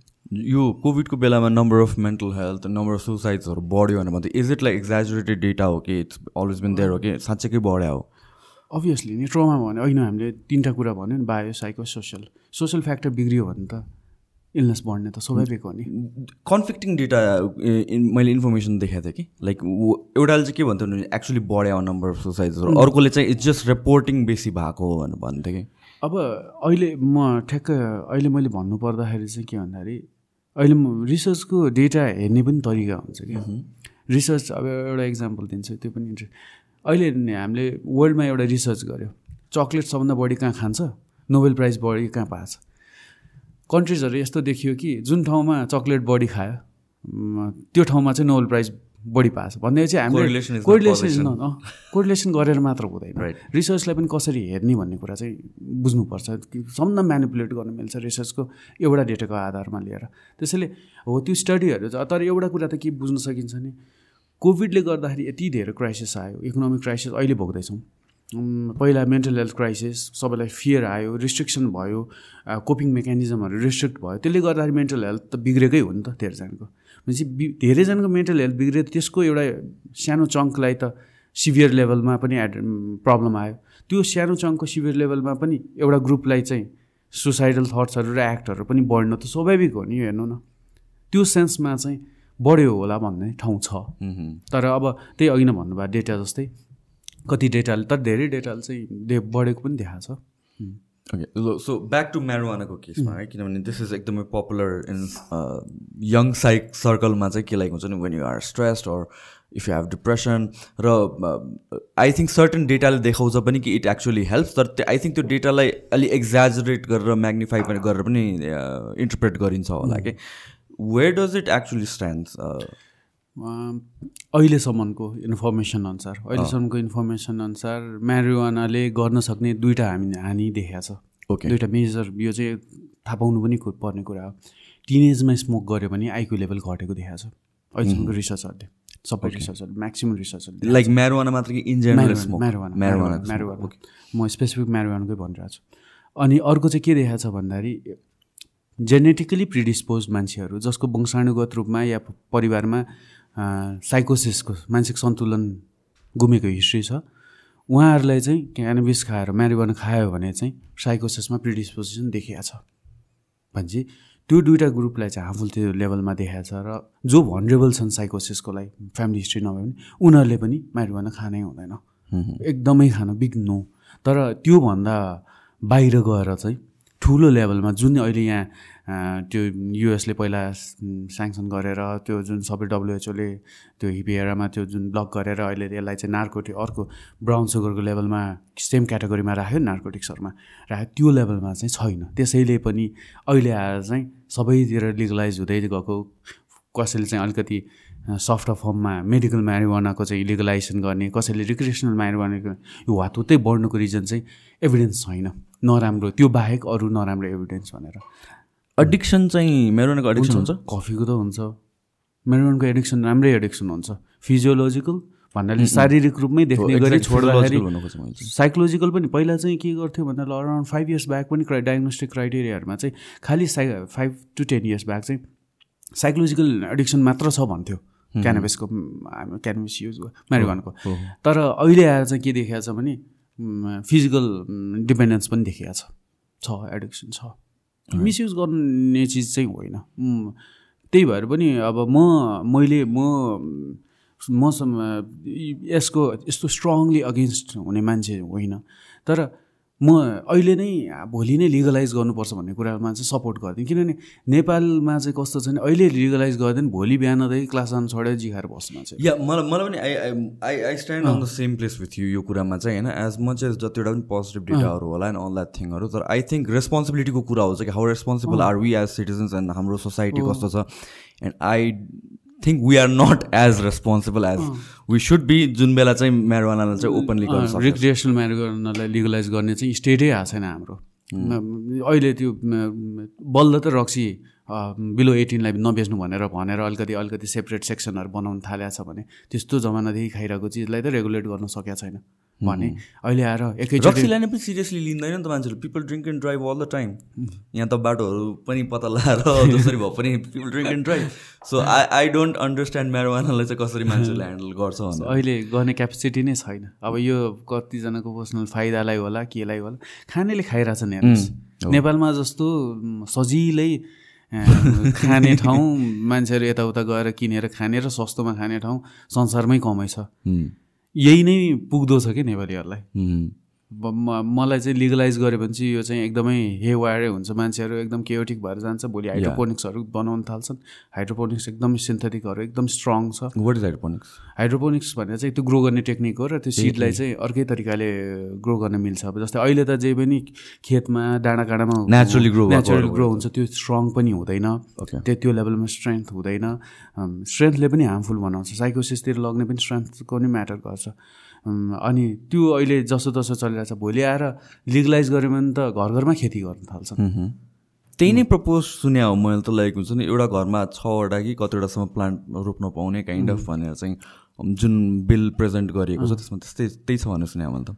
त्यही हो। अब ठिक छ अब उहाँले बिल प्रे प्रेजेन्ट गर्नुभयो त्यो छ तर त्योसँगै अरू कन्सिक्वेन्सेस चाहिँ बुझ्नुपर्छ। एक्ज्याक्टली सो सो लिगलाइज हुने नै भयो भने how do you think it should be going यस यसको लागि त ठुलो टिम प्यानल डिस्कस बसेर डिस्कस गरेर सबैजना कहाँ लिगलाइज लिगलाइजेसनको नि हद के हो? होइन क- के कुरोमा लिगल हो? सबैले खान पाउने त। अघि नै मैले भनिरहेको छु आइक्यू लेभलै घटाउँछ भने प्रुभन छ भनेर टिनेजको एक्सेसिबिलिटीबाट त बाहिर निकाल्नु ग्रुप अफ पिपलको त एक्सेसिबिलिटीबाट त बाहिर निकाल्नै पर्छ नि यसलाई। त्यो त राख्नै मिल्दैन नि त्यहाँ। उनीहरूले जसरी पनि खानु भएन। अनि त्यसलाई कसले चेक गर्छ? होइन यो सबै चिजहरू हेर्नुपर्छ। साइको कि प्रत्येक मान्छे यहाँको इन्डिभिजुअलहरूलाई अवेर छ नि त साइकोसिस ब्याकग्राउन्ड भएकोमा क्यानभिस खान म्यारिवाना खानुहुन्न भनेर। किनभने त्यो नभइकन त भोलि आएर सबैले त्यस्तो ग्रुपले खान्छ यहाँ त साइकोसिसको मात्रा नै नम्बरै बढ्छ। यो त क्रिटिकल कुरा हो नि। एकचोटि साइकोटिक एपिसोड आउनु भने राम्रो कुरा त होइन नि। कसैले पनि चाहँदैन नि त्यो त। लाइफलाई नै अर्को ट्रेजेक्टरीमा लग्छ नि। होइन कन्ट्रोल गर्न सकिन्छ उपचार छ तर गाह्रो छ नि। किन ल्याउनु? त्यही हो नि प्रमोसनको कुरा नि यो सबै चिजहरू बुझ्नुपर्छ सबै लहरको भरमा यसमा फाइदा देखे फाइदा देखा एकदमै फाइदा देखाएको छ राम्रो पनि देखाएको छ। नराम्रो चिज भन्दै भन्दैन म पनि तर सबै चिजको आफ्नो युज मिसयुज हुन्छ जस्तै अहिले केटाहरूले खाने त्यो गोटी भन्छ नि त्यो त मैले सम्बन्ध चलाउने औषधिहरूमध्ये म त्यो एउटा ह्याप्पी पिल हुन्छ कि क्लोनिजमा बेन्जोडाइजिम त्यो एकदमै राम्रो औषधि हो। And is it available anywhere not available भर्खरै दुई तिन वर्ष भयो नार्कोटिक्समा स्ट्रिक्ट भएर बल्ल स्ट्याम्प भएर दिनुपर्ने भयो। नत्र पहिला त तिन चार वर्ष अगाडि त राम्रो रेगुलेसन पनि थिएन। ए ओके। नबेच्नु भन्थ्यो जथाभावी तर बेच्थ्यो मजासँग बेच्थ्यो। रेगुलेसन गभर्मेन्टले नगरिसकेपछि त फार्मेसीले सजिलै बेचिदिन्छ नि त उनीहरूले त ब्ल्याकमा बेच्यो भने एउटै दुई रुपियाँको औषधलाई बिस रुपियाँमा बेच्नु मिल्यो। धेरै मिसरेगुलेसन थियो। त्यसैले यो सबै चिजहरू ध्यान दिनुपर्छ कि जे चिजको पनि प्लस र माइनस हुन्छ। भन्दैमा त्यो अघि नै सोसियल मिडिया भनेर जस्तै एकैचोटि सबै नराम्रो एस्पेक्ट कुरा गर्ने पनि होइन एकैचोटि राम्रो। सबैले त्यो त्यसलाई युज कसरी ल्याउने? मेरिवानाको पनि त भोलि राम्रो युजहरू आउँछ। अहिले आएर हेम्पकै कति चिजहरू बन्छ भने चाहिँ अब हेम्पै इन्डिया ए चाइनाबाट हेम्प आउँछ नेपालमा सन्दा बिगेस्ट लट हेम्प होइन? अब यो यहीँ सजिलै प्रड्युस हुने चिज किन? त्यो सबै चिज ध्यान दिनुपर्छ भन्ने लाग्छ। या सो लिगल इन्फ्रास्ट्रक्चर चाहिँ प्लेस हुनु पऱ्यो पहिला सुरु। समथिङ लाइक आइडेन्टिफिकेसन पनि तपाईँले भन्नुभयो समथिङ लाइक आई थिङ्क मसरुमहरू पनि आइडेन्टिफाइड छैन भनेर भन्छ। यो Magic mushroom. म्याजिक मसरुम पनि आइडेन्टिफाइड छैन भनेर भन्छ एज इलिगल भनेर। छैन होला जे पनि अभाइलेबल छ जे पनि युज गरेर। सो एडिक्सनबाट चाहिँ कसरी निस्किन्छ? If somebody who is in हुन्छ नि marijuana something like that is it like something you can talk about एकदम त्यो पनि गाह्रो कुरा हो। अरू एडिक्सनको पनि फरक कस्तो छ भन्दाखेरि एडिक्सन चाहिँ मलाई एकदमै गाह्रो चिज लाग्छ कि। सबैभन्दा टफ चिज लाग्छ। इभन साइकोसिस ह्यान्डल गर्न सजिलो छ जस्तो लाग्छ। एडिक्सन चाहिँ त्योभन्दा नि गाह्रो लाग्छ। किन एडिक्सनबाट निक्लिनलाई सबभन्दा मेन कोर कुरा चाहिँ त्यो मान्छेमै अवेरनेस आउनुपर्छ। कोर लेभलमा अवेरनेस आउनुपर्छ। र त्यो तर मान्छेमै कोर लेभलमा अवेरनेस आएर पनि पुग्दैन। सोसाइटीको सपोर्ट चाहिन्छ टेक्निकल सपोर्ट चाहिन्छ किनकि एक्सपर्ट हेल्पले पनि एकदमै काम गर्छ होइन? अनि त्यसपछि कुनै कुनै चिजको फेरि प्र- प्रत्येक चिजको एडिक्सनको डिफ्रेन्ट डिफ्रेन्ट ट्रिटमेन्ट मोडालिटीहरू हुन्छ। अनि कतिमा चाहिँ औषधिहरू पनि छ जस्तै एल्कोहलको एडिक्सनको लागि राम्रो हेल्प गर्न सकिन्छ। राम्रै हेल्प गर्न सकिन्छ। औषधि खुवाएर पनि हेल्प गर्न सकिन्छ। तर म्यारिवानको लागि छैन अहिलेसम्म पत्ता लगाएको एउटा चाहिँ अलिअलि आइरहेछ भनेर बाहिर चाहिँ आएको छ तर नेपालमा छैन भने चाहिँ अब गर्न सक्ने भने थेरापी नै हो। थेरापी काउन्स काउन्सिलिङ भन्दा पनि थेरापी नै अलि काउन्सिलिङ मात्रले पुग्दैन। थेरापी फ्यामिली सपोर्ट त्यो सबै चिजहरू गरेर चाहिँ होइन हेल्प गर्न सकिन्छ तर इट्स क्वाइट डिफिकल्ट एकदम गाह्रो छ त्यो मान्छेले नबुझेसम्म चाहिँ। त्यही बुझाउने नै थेरापीले हो अवेर बनाउने right so one of the interesting things तपाईँले अघि भन्नुभएको was that headache headache in self is like it's a symptom भनौँ न एउटा हिसाबले। होइन? So how does that work actually मलाई अघि अघि भने जस्तो एक्सप्लेन गरिदिनुहोस् अब यसरी हेर्नु हाम्रो नेपालमा जब अघि नै भने मेन्टल हेल्थ लिट्रेसी नभइसकेपछि मान्छेलाई आफूले एङ्जाइटी सफर गरेर आफू डिप्रेसनमा सफर गरेर भन्ने कुरा अवेर हुँदैनन्। नभएपछि त्यसको एक्सप्रेसन पनि हुँदैन। एक्सप्रेसन नभएपछि के हुन्छ भन्दाखेरि हाम्रो एउटा एकदम सिम्पल तरिकाले हाम्रो कन्सियस र सबकन्सियस माइन्ड हुन्छ। बाहिरी मन र भित्री मन भनौँ न। हुन्छ। भने कुनै कुरा कन्सियसली हामीले ट्याकल गरेनौँ भने त्यसले हामीलाई सफर त गराउँछ। होइन? गाह्रो बनाउँछ। त्यो गाह्रो काहीँ न काहीँ तरिकाले त व्यक्त गर्नु पऱ्यो नि शरीरले। अनि त्यसको प्रेजेन्टेसन चाहिँ के हुन्छ भने अनेकौँ फिजिकल सिम्टम्सहरू हुन्छ। नेपालमा त्यो मेन्टल लिट्रेसी नभएको भएर र हेल्प सिक गर्ने एटिट्युड त्यसलाई पोइन्ट आउट गरेर त्यसलाई सल्युसन खोज्ने एटिट्युड नभएको भएर मान्छेले त्यसलाई सफर गर्छ तर त्यो सफर गर्दा गर्दा चाहिँ फिजिकल सिम्टम्समा आउनु थाल्छ। धेरै खालको र one of the most common physical symptoms headache हो जस्तै जमानादेखि टेन्सनले टाउको दुख्यो भन्दैन एकदमै राम्रो पोइन्ट हो नि त्यो। अर्को तपाईँले सुन्नुभएको छ हाम्रो बाजेको बेलादेखि नै चिन्ताले पेट पोल्यो भन्थ्यो नि। एकदमै एकदमै राइट स्टेटमेन्ट हो नि त्यो। पेटमा पनि लिटरली एकदम कुनै पनि बडीको पेन हुनसक्छ। कुनै पनि पेन हुनसक्छ। त्यसैले मोस्ट कमन जस्तै बच्चाहरू स्कुल जानु अगाडि स्कुल जानु नखोज्दाखेरि साँच्चैको रुन्छ नि पेट दुख्यो भनेर। तपाईँलाई थाहा छ त्यो यो एकदम कमन हो कि प्रेजेन्टेसन किनभने साँच्चैको पेट दुख्छ? साँच्चैको देख्छ फेरि बच्चाको। उसलाई स्कुल जान मन नलाएर पेट दुख्छ। ए अनि जब ठ्याक्क बस जान्छ नि पास हुन्छ उसको पेट दुख्नु सब बन्द अनि खेल्न थाल्छ। धेरैले एक्सपिरियन्स गर्नुभएको छ होला। अब हामी त एक्सपर्ट भएको हामीलाई थाहा छ आउँछन् प्रेजेन्टेसन हुन्छ। त्यस्तै गरी हेडेकको पनि एकदम कमन प्रेजेन्टेसन हो। मेन्टल हेल्थको इस्युको त्यसैले यदि क्रोनिक मेन्टल हेल्थ क्रोनिक हेडेकहरू छ भने even माइग्रेनको one of the most common positive फ्याक्टरमा stress आउँछ। स्ट्रेस भने के हो? त्यो एङ्जाइटी डिप्रेसन ल्याउने चिजहरू त हो नि होइन? नभएको कुरामा स्ट्रेस लिनु थाल्छ सो माइ फर इक्जाम्पल माइग्रेनको लागि कसैलाई माइग्रेन भयो भने डायग्नोज गर्दाखेरि उसलाई अलरेडी चेक गरिसकेको हुन्छ उसलाई डिप्रेसन भएको छ। म चाहिँ गर्छु। म चाहिँ किनभने एकदमै हाई पर्सेन्टेजमा एङ्जाइटी डिप्रेसन हुन्छ। जबसम्म त्यो एङ्जाइटी डिप्रेसन एड्रेस हुँदैन माइग्रेन एड्रेसै हुन सक्दैन। सो स्ट्यान्डर्ड प्रोसिजरमा पर्दैन त्यो? अब स्ट्यान्डर्ड प्रोसिजरमा चाहिँ सबैले नगर्नु होला किन सबैको आफ्नो आफ्नो डोमेन हुन्छ होइन? अब हेडेक पनि अब यो नेपालमा चाहिँ कस्तो छ हेडेक तिनवटा विशेषज्ञहरूले हेर्नुहुन्छ। एउटा न्युरोलोजिस्टले एउटा न्युरोसर्जनले एउटा साइकेट्रिस्टले तिनैजनाले हेर्ने चिज हो हेडेक इभन अब जेनरल हेर्ने त छँदैछ तर स्पेसलिस्टले हेडेक हेर्दाखेरि चाहिँ। नत्र त जुन डक्टरले पनि हेर्नुहुन्छ नि होइन? हेडेक चाहिँ। तर अब कुनै पनि टेन्सन टाइप हेडेक होस् या माइग्रेन होस् या कुनै पनि हेडेकहरू सबैजना सबै हेडेकसँग चाहिँ धेरै हेडेकसँग चाहिँ रिलेटेड हुन्छ। यदि अर्ग्यानिक कज छैन भने भित्र अब ट्युमरले हेडेक भएको छ भने त स्ट्रेस भन्ने मिल्दैन। तर अरू कजहरू कुनै छैन भने मे कमन हेडेकहरू संसारको सबभन्दा मोस्ट कमन हेडेकहरू हेडेकको क्लासिफिकेसन पनि माइग्रेन र टेन्सन टाइप हेडेक नै हो बिग चङ्कमा हुने। तिनीहरूको चाहिँ रिलेसन हुन्छ। त्यसैले त्यो चिज पनि हेर्नुपर्छ हामीले पनि बुझ्नुपर्छ किनभने हातखुट्टा झ वर्षौँदेखि झमझमायो भने भिटामिन डिफिसियन्सी मात्र नहुनसक्छ। एङ्जाइटीको presentation most one of the most common प्रेजेन्टेसनहरू मात्रै झमझमाउनु पोल्नु टिङ्लिङ सेन्सेसनहरू। त्यसैले फिजिकल सिम्टमहरू नेपालीहरूको लागि most common way of presenting their mental health issues as a होलमै एसियन्सहरूलाई र एफ्रिकन्सहरू पनि देखाएको छ ओके सो मेन्टल हेल्थमा अरू के के पर्छ हामीहरूले? मेन्टल डिसअर्डर्स अर्को एउटा इन्ट्रेस्टिङ मान्छेहरूले नबुझ्ने थाहा नभएको चाहिँ अवेर नभएको चाहिँ पर्सनालिटी पर्सनालिटी पनि पर्छ पर्सनालिटी डिसअर्डर्स भन्छौँ। त्यो चाहिँ मेन्टल डिसअर्डरभन्दा फरक कुरा हो। डिप्रेसन एङ्जाइटी साइकोसिस ओसिडी पिटिएसडी यो चाहिँ सबै चङ्क चाहिँ मेन्टल पर्सनालिटी डिसअर्डर भनेर चाहिँ के हो भन्दाखेरि जन्मजातै जीवनमा मान्छेले हेर्ने पर्सपेक्टिभै डिफ्रेन्ट भएर जन्मिने। रिलेसनसिपलाई हेर्ने इमोसन्सलाई हेर्ने फिल गर्ने एक्सप्रेस गर्ने फरक हुन्छ नि कोही कोही। एकदम सेन्सिटिभ मान्छेहरू हुन्छन्। तपाईँले वर्डहरू सुन्नु यो चलेको अहिले यो सोसियल मिडियामा नासिस्टिक बोर्डर लाइन होइन? त्यो त्यो सुन्नुभएको छ नि। सबै चाहिँ त्यही यतैतिरको सेक्सन हो। न is it like is it like भित्रबाटै culture हुने हो कि त्यो सोसाइटीले इन्भाइरोमेन्टले ग्रुम गर्ने हो? यो नेचर हो कि नर्चर हो? हो। नेचर हो कि नर्चर हो भनेर कहिले पनि हुँदैन। जहिले पनि नेचर र नर्चर नै हुन्छ दुवै दुवै नै हुन्छ। जेनेटिक्स इपिजेनेटिक्स दुवै रोल खेल्दै हुन्छ कुनै पनि चिजमा। टिभी लाग्नलाई त हुन्छ। कुनै पनि चिजलाई हुन्छ। क्यान्सरमा त हुन्छ। होइन? भनेपछि मेन्टल हेल्थमा त झनै इम्पोर्टेन्ट हुन्छ। त्यसैले त्यसैले प्रमोसनमा के आउँछ? चा चाइल्डहुडमाको चाहिँ ट्रमा रिड्युस गर्ने सोसाइटीले नै त्यो एक्ट गर्ने। कसरी सोसाइटीले चाहिँ चाइल्डहुड ट्रमाहरूलाई घटाउने? त्यो एकदमै इम्पोर्टेन्ट कुरा हो जुन अहिले पनि एड्रेस भएको छैन। कसरी हाने कसरी सब्सटेन्स एब्युजलाई कन्ट्रोल गर्ने? ल ठिक छ भोलि क्यानबिस लिगलाइज होला। नखानु भन्ने तर कुन बेला खाने भनेर त हुनु पऱ्यो। अहिले अहिलेकै कुरा गरौँ न। रक्सी लिगलाइज भयो भनेर ऱ्याम्प प्यान्ट खाएर त भएन नि।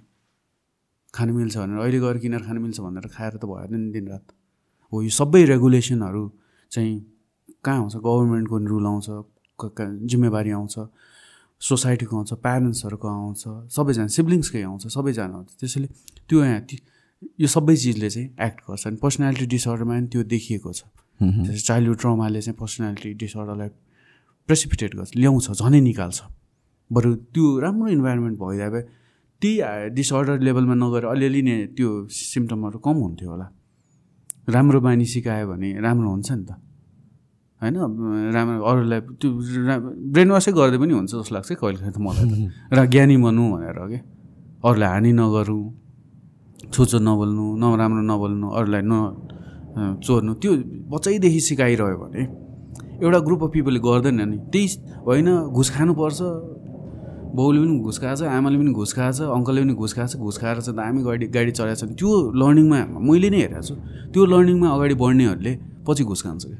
किन उसलाई त्यो स्टिङमा नै फिल हुँदैन। घुस खानु लाजै हुँदैन। चल्छ जस्तो भयो क्या। ओ यो लर्निङ त सबै चिजमा दिनु पऱ्यो नि।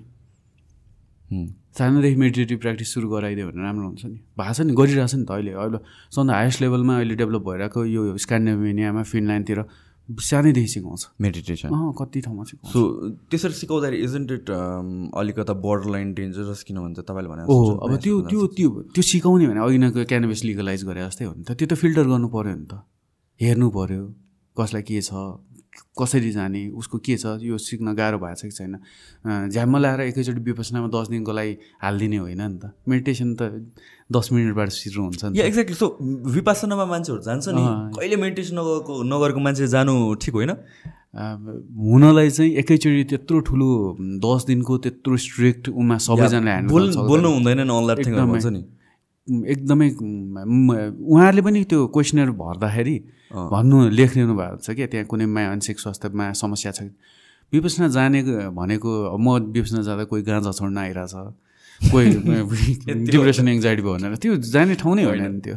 त्यो त्यो त्यसरी जाने ठाउँ नै होइन त्यो। मान्छेले नबुझ विपसनाको मेन अर्थै नबुझ्यो त्यो। खासमा के हो? खासमा विपसना किन गइन्छ त? विपसना चाहिँ हुन चाहिँ लाइफस्टाइलै हो। मेडिटेसन मात्र सिक्ने ठाउँ होइन। लाइफस्टाइल सिक्ने ठाउँ हो। कसरी राम्रो लाइफ बिताउने होइन। खानपिन व्यवहार बोली वचन अरूलाई हार्म नगर्ने त्यो सबैको एउटा एक्सपिरियन्स लिन जाने ठाउँ हो। अनि त्यसको चाहिँ एउटा मेजर पार्ट चाहिँ मेडिटेसन पनि हो। जहाँ चाहिँ आफूले आफूलाई हेर्ने केलाउने इन्ट्रोस्पेक्ट गर्ने नौ दस दिन नबोलेपछि धेरै इन्ट्रोस्पेक्सन त भइहाल्छ नि। आई क्यानट इमेजिन त्यो। त्यही भएर। सो सो हिप्नो हिप्नोसिस भन्छ नि is it like legit thing अहिले चाहिँ पहिला एकदम हाइपमा अहिले हिप्नोसिसको चाहिँ अहिलेलाई चाहिँ साइन्टिफिकली त्यस्तो रिलेजेड भनेर आएको छैन। छैन त्यो त्यो किनभने जुन एउटा मिडियाले जुन लाइमलाइटमा ल्यायो नि। त्यो त्यो त्यो छैन। हामीले त्यसलाई न थेरापिटिक अब एउटा ग्रुप अफ पिपल हुनुहुन्छ अहिले पनि साइकोलोजिस्टहरूले हिप्नोथेरापीहरू युज गर्नुहुन्छ कोही कोहीले गर्नुहुन्छ। तर एटलिस्ट मेरो लर्निङमा अहिलेसम्म जति पढेँ मैले अहिलेसम्म त्यसको कुनै पनि उपाय छैन त्यो त अझ बढी सुइडो साइन्सतिरै गइरहेको देखिन्छ। किनभने अहिले फेरि अघि न तपाईँले भन्नुभयो जस्तै सुडो साइन्स धेरै हालिदियो कि उमा। अब यहाँ त होइन साइ साइकोलोजिस्ट भएर अनि ट्यारो रिडिङ गरेर अब त्यसलाई कम्बाइन हानिदिने या के भन्छ अरे पास्ट लाइफ रिग्रेसन रे के के के के के के के के। त्यसरी त्यतातिर गएर चाहिँ अब एटलिस्ट म त्यस बारेमा बोल्न चाहन्न। अब गर्न मान्छेलाई जे पनि गर्नु दिन्छु म गर्नुहोस् आनन्द आउँछ रमाइलो हुन्छ भने गर्नुहोस् खर्च पनि गर्नुहोस् इन्जोय गर्नुहोस्। ह्याप्पी हुनुहोस्। तर धामी त्यही अघि न मैले भने जस्तो धामी झाँक्रीमा पनि पठाउँछु म। हो एक्ज्याक्टली सो त्यही म भन्न लाग्दैछु। धामी झाँक्रीको चाहिँ how is it like is it like legit हो कि तपाईँले त्यत्रो रिसर्च गर्नु छ के अब यो चाहिँ मेरो पर्सपेक्टिभ है। तर पब्लिस्ड पर्सपेक्टिभ भने research based evidence based perspective किनभने कुनै पनि कुरा यस्तो सेन्सिटिभ कुरा बोल्नलाई पनि अलिक अप्ठ्यारै हुन्छ। किन यसमा चाहिँ मेन इम्पोर्टेन्ट कुरा चाहिँ फेथ जोडिएको छ। जब फेथ जोडिन्छ बोल्न चाहिँ यो पोलिटिकली गाह्रो कुरा हो। तर अहिलेसम्म देखेको अनुसार चाहिँ हामीले हाम्रो टिमले चाहिँ के गर्यो भन्दाखेरि नेपालको पूर्वदेखि पश्चिम र यो काठमाडौँमा पनि सबैतिर जुम्ला उता पश्चिमतिर सबैतिर रिसर्च गऱ्यो अनि हामीले चाहिँ सबै different form of traditional healing धामी झाँक्री माता वीर होइन सबै खालको जुन जुन हुन्छ नि सबैलाई एक्सप्लोर गरेर हेर्दा चाहिँ के देख्यो भन्दाखेरि यसको चाहिँ आफ्नो कल्चरल भ्याल्यु छ। र यसको थेराप्युटिक भ्याल्यु पनि छ। कस्तो भन्दाखेरि साँच्चैको फुकेर इलनेस निकाल्यो भने फेथले फेथ डज हिल फेथले हिल गर्छ नि। विश्वासले हिल गर्छ क्या। विश्वासले एकदम राम्रो काम गर्छ। त्यसले गएर त्यो चामल केलाएर त्यो गरेर त्यहाँबाट साँच्चैको डिप्रेसन सोरेर निकालेर फ्याल्ने या चाहिँ कुनै भूतप्रेत निकाल्ने भने त्यो चाहिँ अहिलेसम्म पत्ता लागेन। त्यो छैन नै देखियो।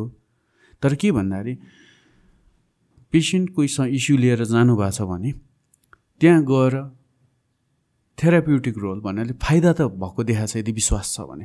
त्यो विश्वासले ल्याएको फाइदा देखिएको छ क्या बुझ्नु नि मैले भने। कस्तो हुन्छ भन्दाखेरि मन्दिर गएर सन्चो हुन्छ नि भगवान् मान्ने मान्छेलाई। साइकोलोजिकल लेभल मात्र। तर साइकोलोजी सबै त साइकोलोजी हो नि। हामीले ट्रिट गर्नु पनि साइकोलोजी त हो नि। त्यो त्यसलाई रङ भन्ने होइन नि। एकदमै त्यो त्यसको आफ्नो भ्याल्यु छ क्या। म रोइरहेको बेलामा एउटा राम माया गर्ने मान्छेको अगाडि गएर मलाई सन्चो भन्ने त्यसलाई चाहिँ साइकोलोजी भन्ने। भन्ने खोजेकै त्यही हो त अनि हामीले आउटपुट खोजे होइन त। त्यसैले म पनि त्यसरी हेरेर चाहिँ के देखाएको छ मैले भूत प्रेत पत्ता लगाएन हामीहरूले केही पनि त्यस्तो सुपर नेचुरल केही पनि पत्ता लगाएनौँ तर के चाहिँ पत्ता लगायो भन्दाखेरि फाइदा गर्दो रहेछ। एउटा ग्रुप अफ पिपललाई फाइदा गर्दो रहेछ।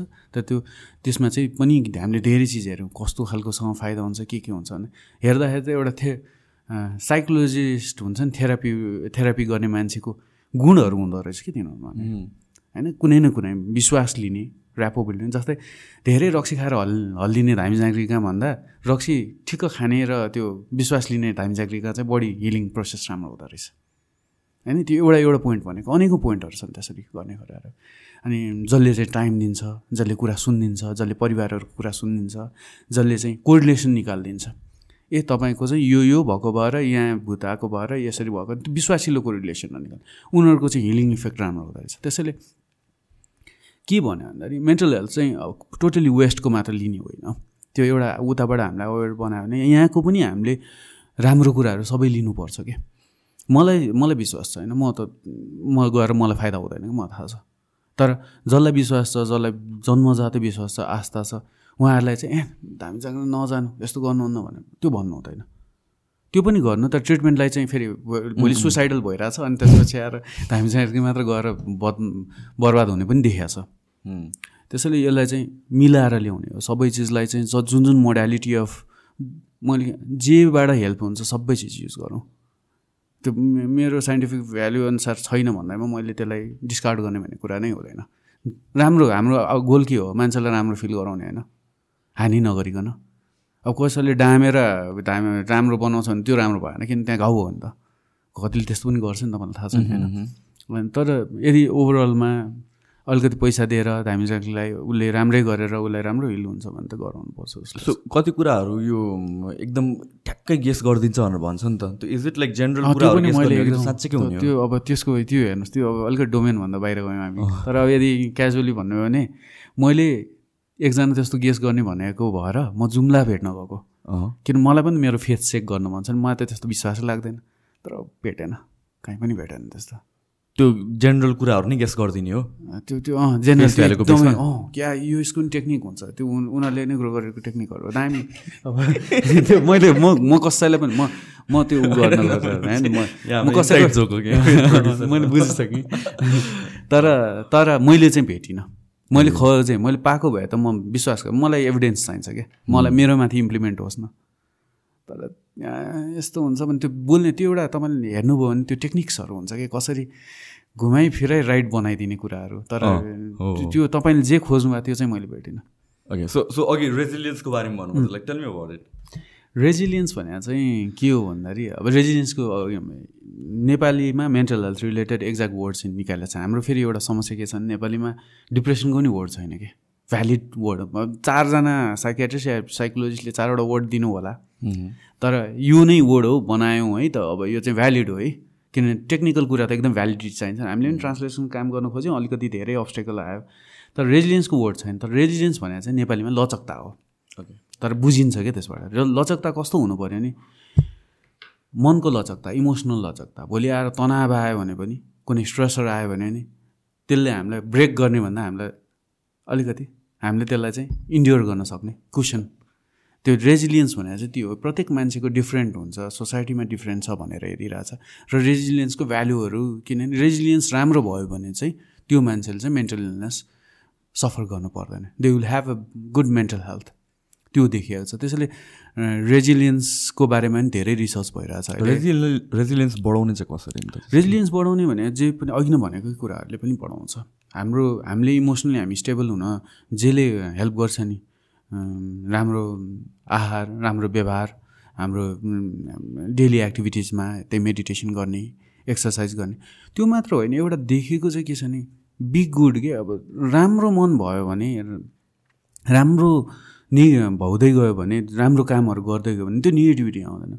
मैले चोरेँ भने पो बोल्न मलाई पक्रिन्छ भन्ने डर हुन्छ। मैले चोर्दै चोरिनँ भने त मलाई त्यो कहिले पनि त्यो चोर चोर पुलिसदेखि डराउनै पर्दैन।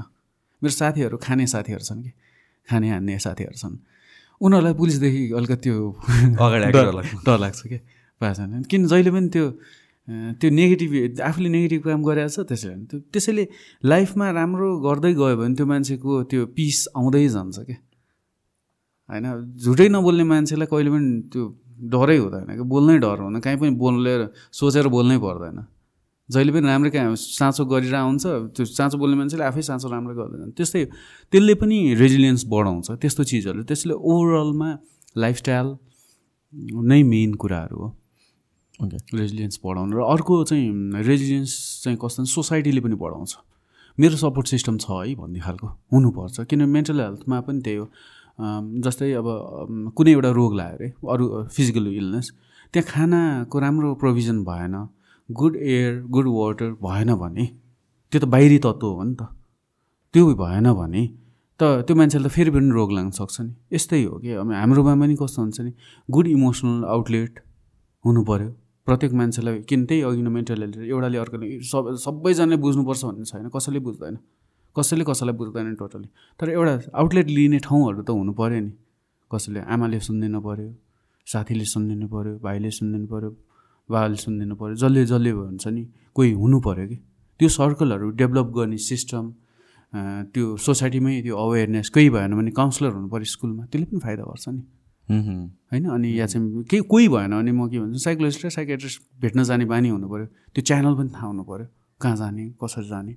त्यसले पनि बिल्डअप गर्छ न यो स्कुलमा यी काउन्सिलर्सहरू हुने चाहिँ यो प्र्याक्टिसमा आइसक्यो नेपाल कन्टेक्समा के छ तर एकदम very few very few very few अलिकति प्राइभेटहरूमा अलिकति खानेले पाउनु त अनि सर्भिसेसहरू त्यो पनि so so let's talk about अहिलेको मोस्ट आई थिङ्क भ्युवर्सहरूलाई इन्ट्रेस्ट भएको कुरा रिलेसनसिप्सहरू क्या? रिलेसनसिप्सहरू स्पेसली ब्रेकअपहरू भयो भने they get into this depression and ट्रमाहरू how does that work how does one get out of it ए एउटा त्यही हो। एक्सेप्टेन्स पनि बिल्डअप हुनु पऱ्यो अवेरनेस हुनु पऱ्यो ब्रेकअप नहुने मान्छे नै हुँदैन नि। कि रिलेसनसिपमै बस्न छोड्नु पऱ्यो त्यसैले त्यसको एक्सेप्टेन्स अवेरनेस अनि प्रत्येक मान्छेको इन्डिभिजुअली कति कसरी ह्यान्डल गर्छन् रिलेसनसिपहरूलाई स्टिगमाले पनि रिलेसनसिपलाई एकदमै गाह्रो बनाउँछ क्या। ब्रेकअप गर्नै गाह्रो हुन्छ स्टिगमाले गर्दाखेरि पनि मान्छेहरूलाई। ए ला यो भयो भने के भन्छ यसले के भन्छ म त योसँग यति वर्षको रिलेसनसिपमा भइसक्यो। ब्याड रिलेसनसिपमा नि अनि अड्केर बस्ने हुन्छ। त्यसैले मेन कुरा चाहिँ अब सबैजनामा त्यति चाहिँ हुनु पऱ्यो कि रिलेसनसिपलाई हेर्ने तरिकाहरू पनि पर्सपेक्टिभ पनि सोसाइटी जसरी चेन्ज भइरहेको छ त्यसरी नै चेन्ज हुन चाहिँ सकिया हुँदैन कि कतिजनाले। त्यो पनि एउटा अवेरनेस आउनु पऱ्यो। अर्को कुरा चाहिँ हेल्थ सेकिङ बिहेभियर पनि राम्रो कुरा हो। धेरैजना हुनुहुन्छ म खै रिलेसनसिपले नै ट्रिगर गरेर ब्रेकअप भएर नै डिप्रेसन एङ्जाइटीहरू प्रेसिपिटेट हुने पनि धेरैजना हुनुहुन्छ। तर भयो भन्दैमा त्यो त्यो हुन्छ त त्यसलाई हेल्प सिक गर्ने बानी। सबभन्दा पहिला त जहिले पनि मेन्टल हेल्थ इस्यु चाहिँ क्लोज सर्कलबाटै स्टार्ट हुन्छ कि एभ्रिथिङ स्टार्ट्स एट होम या चाहिँ फ्रेन्ड सर्कलबाट अब त्यतैबाट रिजोल्युसन भयो त्यतैबाट सम्झाउने बुझाउने मन बहलाउने इन्भाइरोमेन्ट भयो भने राम्रो भएन भने अनि अलिक फर्दर जाने एक्सपर्ट ओपिनियन लिने मलाई गाह्रो भइरहेको छ किनभने त्यही मोमेन्टमा एड्रेस गर्ने भने राम्रो हुन्छ। त्यहीलाई लम्ब्याएर राख्यो भने गाह्रो हुन्छ। त्यसले पनि हामीले mental as mental health expert हामीहरू कपाल काउन्सिलिङहरू गर्छौँ। ओके होइन त्योहरू पनि गर्छ। सबै कुरा भने सजिलो त हुँदैन तर एटलिस्ट केही हेल्प त हुन सकिन्छ नि। अलिकति अन्डरस्ट्यान्डिङ बढ्न सक्छ। त्यही चिजहरूलाई अब कि ब्रेकअपै गरेर अगाडि बढ्ने हो भने नि हामी त्यो त्यो पनि सजेसन दिन्छ। सजेसन त होइन हामी सबै पाथवे देखाइदिन्छ कि सबै relationship is not meant to. Go had होइन?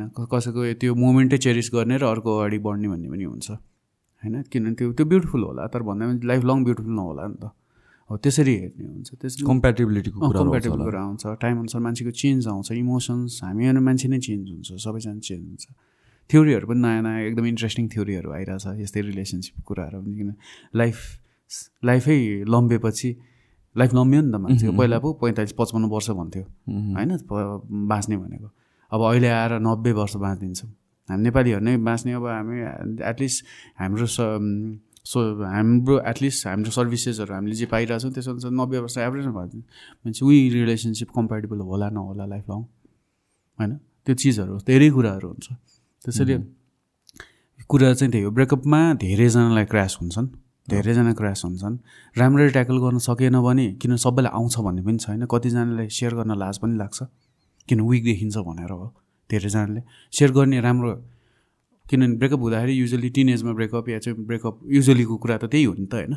ब्रेकअप हुँदाखेरि जोसँग हेल्प सिक गर्न गएको हुन्छ तिनीहरू नै आफै नै रनबुल्लो मान्छेहरू हुन्छ ज सधैँ धेरैजना लस्ट हुन्छन् होइन? सिनियर अलिकति राम्रो गाइड गर्ने मान्छे नहोलान्। भनेपछि त्यसैले it's always good to seek help share एकदम इम्पोर्टेन्ट कुरा। दुई कि दुई दुई वर्ष अगाडि डब्लुएचओको थिमै डिप्रेसन लेट्स टक भन्ने थियो. भन्नुको अर्थ के हो भन्दाखेरि it's not only about depression mental health let's talk हो कि जुनै पनि इमोसन्स लेट्स सेयर हो। जहाँ गएर बोल्दै हिँड्ने होइन? तर राइट मान्छे राइट कम्पनीमा चाहिँ बोल्नु राम्रै हुन्छ। डिप्रेसनको सिम्टम्स चाहिँ के हो? डिप्रेसनको सिम्टम चाहिँ मैले एकदम सजिलो गरी बुझाउनु पर्दाखेरि एउटा नराम्रो घटना भयो सोचौँ। कोही आफ्नो सबभन्दा वर्स्ट घटना मान्छेले भन्नुपर्ने कि ब्रेकअप हुन्छ कि लसै हो नि त होइन? कि कसैको डेथ हुन्छ। त्यो बेलामा जे जे सिम्टम आउँछ त्यो लामो समय रहिरह्यो घटेन भने त्यही हो डिप्रेसन भन्नाले एक्जाम्पललाई आज कोही एकजना कोही बित्नु भयो अरे मेरो एकदम नजिकको मान्छे भने मलाई के हुन्छ फर्स्टमा आएर? मलाई रुन आउँछ दुःखी हुनुहुन्छ खाना रुचि हुँदैन खाना मन लाग्दैन बाहिर गएर जाउँ घुमौँ रमाइलो गरौँ भन्ने लाग्दैन। इभन यही काम गर्नु पनि म आज त्यो भइरहेको आउँदैन थियो किन यसरी बोल्न सक्दैन थियो। राति निन्द्रा पर्दैन होपलेस फिल हुन्छ लाइफ यस्तै रहेछ सबभन्दा भ्यालुएबल चिजहरू नै लुज गर्दो रहेछ भने मैले के को लागि बाँचुँ अर्को त्योभन्दा एक्सट्रिम फर्ममा थट आउन सक्छ। मलाई पनि लिएर गइदिए भए हुन्थ्यो। म पनि बरु मर्दिन्छु।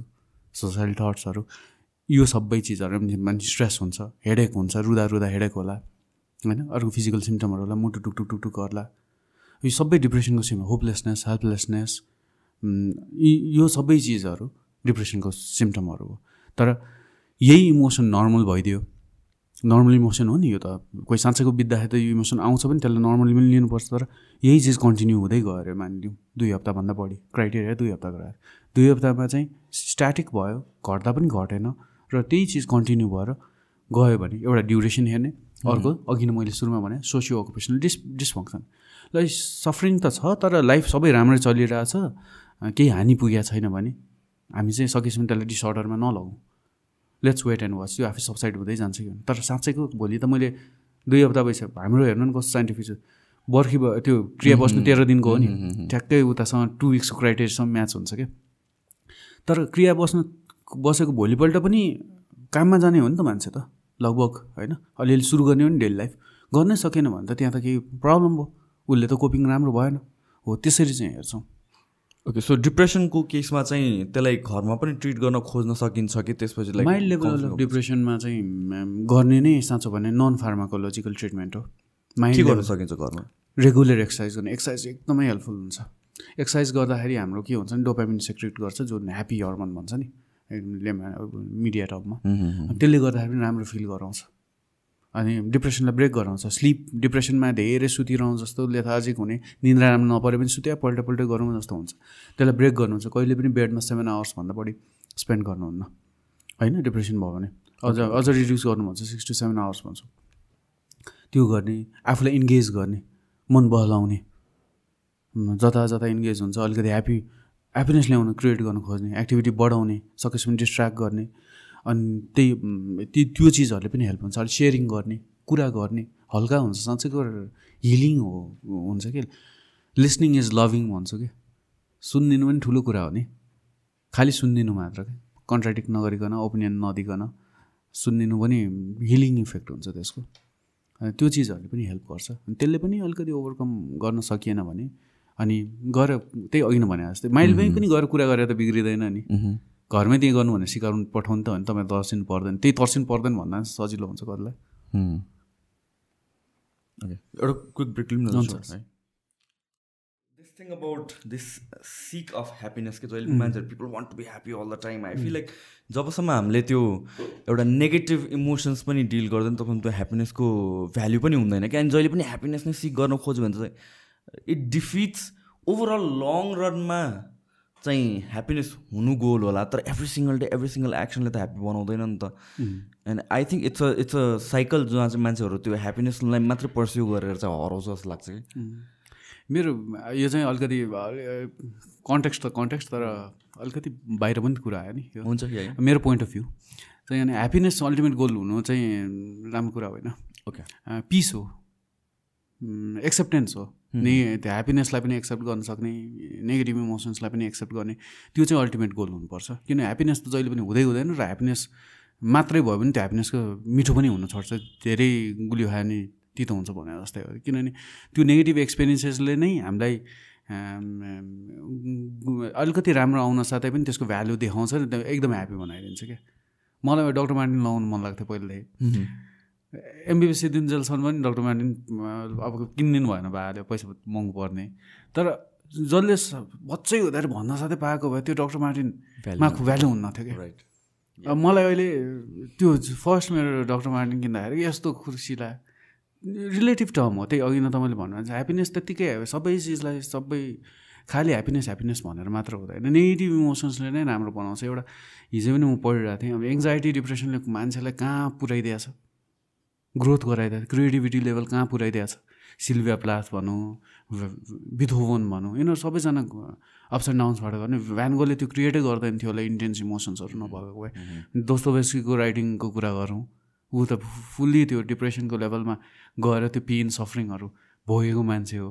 त्यो सबै चिजले त्यसैले सबैलाई हेर्ने तरिका र त्यही भएर एउटा लेभलमा कन्ट्रोल र च्यानलाइज गर्ने कुरा चाहिँ बढी इम्पोर्टेन्ट हो। खालि एउटै चिज पाइरहने कुरा। कन्सटेन्ट ह्याप्पी भएको मान्छेले त लाइफै यस्तो डल बोरिङ हुन्थ्यो होला। त्यो मान्छे के हुन्थ्यो होला जस्तो लाग्छ मलाई त। त्यसैले सबै चिज हो। दुखी भएर बस्नु भने होइन। तर सबै इमोसन्सलाई चाहिँ च्यानलाइज गरेर आएको इमोसन्सलाई राम्ररी लिएर दुखी भएछ भने त्यसबाट पनि ग्रो गरेर किन ग्रोथ हुने नि नेगेटिभ इमोसन्सबाट? एक्ज्याक्टली मैले मेरो आफ्नो लाइफको एक्सपिरियन्सेसमा पनि र अरू हेर्दाखेरि पनि जो खालि ह्याप्पी हुने मान्छेले ग्रो गर्दैन। त्यसबाट अलिकति ग्रो गर्छ तर what doesn't kill me makes me stronger भन्छ नि। त्यो एक्सट्रिम फर्मको एक्जाम्पल किन लिएको भन्दा त्यसले त्यो लेभलको स्ट्रेन्थ दिन्छ भनेर। हो अब किल गऱ्यो भने त सिद्धिहाल्यो। त्यसपछि त अब के stronger yeah I can totally relate every single time I think धेरैजना युथहरूले पनि रिलेट गर्न सक्छ। लाइक यो ब्रेकअप्सहरूलाई एकदम नराम्रो हिसाबले लिन्छ नि। मेरो पर्सनल लाइफमा एभ्री सिङ्गल अब been in lot of relationship है every single time serious breakup भएपछि अब अलवेज स्टेप अप के नेक्स्ट लेभल पुगेको छ क्या नेक्स्ट भने जस्तो।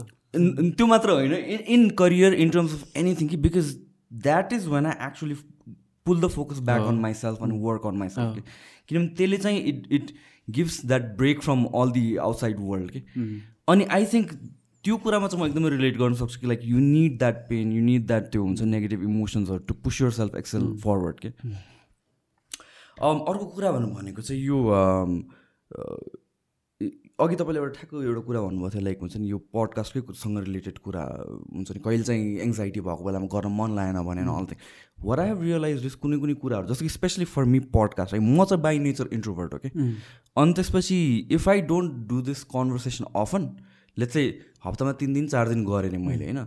एक हप्ता दुई हप्ता ब्रेक ग्याप भएपछि फर्केर आउँदाखेरि मलाई चाहिँ त्यो एउटा some kind of friction feel हुन्छ कि त्यो हुनु नर्मल हो। नर्मल हामीले त्यो एकदमै कसैको थोरै ग्यापमा मैले म पिएचडी गर्न जाँदाखेरि एउटा ग्याप त्यो थियो पिएचडी गर्न जाँदाखेरि मैले पेसेन्ट हेरिनँ। अनि त्यसपछि एक दुई वर्ष हेरिनँ अनि त्योभन्दा अगाडि पनि मेरो इन्ट्रान्स हाम्रो पढ्नुपर्छ नि त इन्ट्रान्स म अझ त्योभन्दा स्ट्रङ भन्नुपर्दा इन्ट्रान्स प्रिपरेसनको लागि यत्रो प्यासनेट भएर म साइकेट्री लिएको मान्छे हो जहिले पनि म मेरो करियरको मेडिकल करियरमै अगाडि नै मैले डिसाइड गरिसकेको थिएँ म साइकेट्रिस्ट भन्छु भनेर। त्यति गरेको त्यो दुई वर्ष इन्ट्रान्स प्रिपरेसनको करियरमा पेसेन्ट नहेरेर एक वर्ष अझ हे नहेरेर पेसेन्ट हेर्दाखेरि म हात कामेको थियो कि मेरो? फर्स्ट पेसेन्ट हेर्दा नि त्यो त्यो एङ्जाइटी छ मलाई। जसलाई पनि त्यो हुनसक्छ एउटा लेभलमा अनि पछि बिस्तारै एकैचोटिमै फ्लो गइहाल्यो।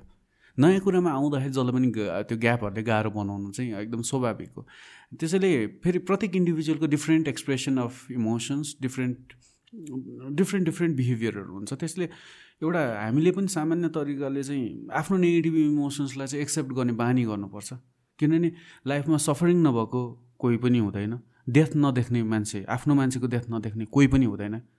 अनि एउटा ग्रुप अफ पिपलमा चाहिँ मिनिङलेसनेस अफ लाइफ त्यो नबुझ्ने त कोही पनि हुँदैन। त्यो एउटा ग्रुपलाई त त्यसले पनि सताउँछ। यो यस्तो ठुल्ठुलो कुराहरू लाइफमा फेस गर्नुपर्छ भने हामी त्यो फेस गर्नलाई रेडी हुनै पर्छ क्या। त्यही भनेको हो गुड मेन्टल हेल्थ भनेको। यो यो सबै चिजहरू पार्ट अफ लाइफ हो। अनि सफरिङ नै एक्सेप्ट नगर्ने मान्छेले त लाइफलाई अगाडि बढाउनै सक्दैन। अनि यो सबै चिज चाहिँ हामीले त्यो त्यो त्यो कसरी गर्ने त भनेर हामीले आफूलाई बिल्डअप पनि गर्नुपर्छ लर्न पनि गर्नु यो ग्रो गर्ने कुरा हो नि सचाउने नि। बच्चाले सक्दैन नि। सानो बच्चाले एउटा लस आफ्नो प्यारेन्टल लस जुन इम्प्याक्ट पार्छ पाँच वर्षलाई जुन इम्प्याक्ट पार्छ दस वर्षलाई पन्ध्र वर्षलाई पचास वर्षलाई एकदम फरक रेन्जमा जान्छ नि। किन त्यो ग्रो भएको हो नि त पाँच वर्ष र पचास वर्ष त बच्चा एउटै होला मान्छे एउटै होला। त्यो ग्रोथ ल्याउन पर्छ हामीले पनि पर्छ अरूलाई सिकाउनु पनि पर्छ होइन? अनि त्यो गर्नुपर्छ। र त्यो गर्दा गर्दै अघि तपाईँले भने जस्तै त्यो गर्दा गर्दै क्रास भयो भने चाहिँ इन्स्ट्यान्टली हेल्प सिक गर्नुपर्छ। हेल्प सिक गर्ने पनि बानी हुनुपर्छ। सबै म नेगेटिभ इमोसन्स म एक्सेप्ट गर्छु म धान्छु म नरोइकन बस्छु म यसलाई ट्याकल गर्न सक्छु। कतिसम्म त्यो तन्काउने त्यो इलास्टिकलाई त्यो रेजिलियन्स कतिसम्म आफूले टेस्ट गर्ने आफ्नो भन्ने कुरा पनि इम्पोर्टेन्ट कुरा हो। आफूलाई ब्रेक गर्ने चाहिँ होइन। ब्रेक गऱ्यो भने कहिले रिकभरै हुँदैन मान्छे। बर्नआउट भएर काममा जानै नसक्यो कामै छोडेको मान्छे पनि देखाएको छु। होइन त्यसैले सबै चिजको अवेरनेस हुनुपर्छ सबै चिजको लिट्रेसी हुनुपर्छ यो कुराहरूको। अनि बल्ल अनि लाइफ अलिक स्मुथ हुन्छ सबै चिजहरू नेगेटिभलाई पनि हाँसेर अगाडि बढ्न सक्छ त्यस्तो हुन्छ। सो वर अबाउट यो इन्ट्रोभर्जन र एक्स्ट्रोभर्जन भन्छ नि? इज इट लाइक एक्स्ट्रोभर्ट भनेको मोर प्र्याक्टिस मोर त्यो पाइरा हो कि कि त्यो नेचर नै हो त्यस्तो? होइन त्यो होइन त्यो एउटा नेचर पनि हो। हामीले पर्सनालिटी हेर्दाखेरि मान्छेले चाहिँ नबुझ्ने दुई तिनवटा कुरा छ। एउटा इन्ट्रोभर्ट एक्स्ट्रोभर्ट एउटा आउट गोइङ र रिजर्भ त्यो दुइटा डिफ्रेन्ट कुराहरू हो। ओके। इन्ट्रोभर्ट भनेको मान्छे चाहिँ कस्तो हो भन्दाखेरि भित्री मनको भाव बाहिर व्यक्त नगर्ने सजिलै। एक्स्ट्रोभर्ट भने चाहिँ मनको कुरा डाङडुङ भन्ने। तर हामीले अर्को चाहिँ आउट गोइङ भनेर चाहिँ फ्रेन्डली अरूसँग कम्युनिकेट गर्ने गफसप गर्ने त्यो मान्छेहरूसँग कम्युनिकेट गर्न सजिलो रिजर्भ भनेर चाहिँ कम्युनिकेट गरि नहाल्ने कम्युनिकेसन बाहिर जाने नगर्ने भनेपछि you might be an outgoing person but an introvert person also तपाईँको कुरा गर्दा किन तपाईँ जुन फिल्डमा हुनुहुन्छ तपाईँ आउट गोइङ भएर नै भएको तर इन्ट्रोभर्ट होला किनभने इमोसन चाहिँ बाहिर सबैजनासँग कम्युनिकेट ठुलो सर्कल भए पनि भाव चाहिँ थोरैले व्यक्त गर्ने। र यो चाहिँ ह्युमन नेचर हो।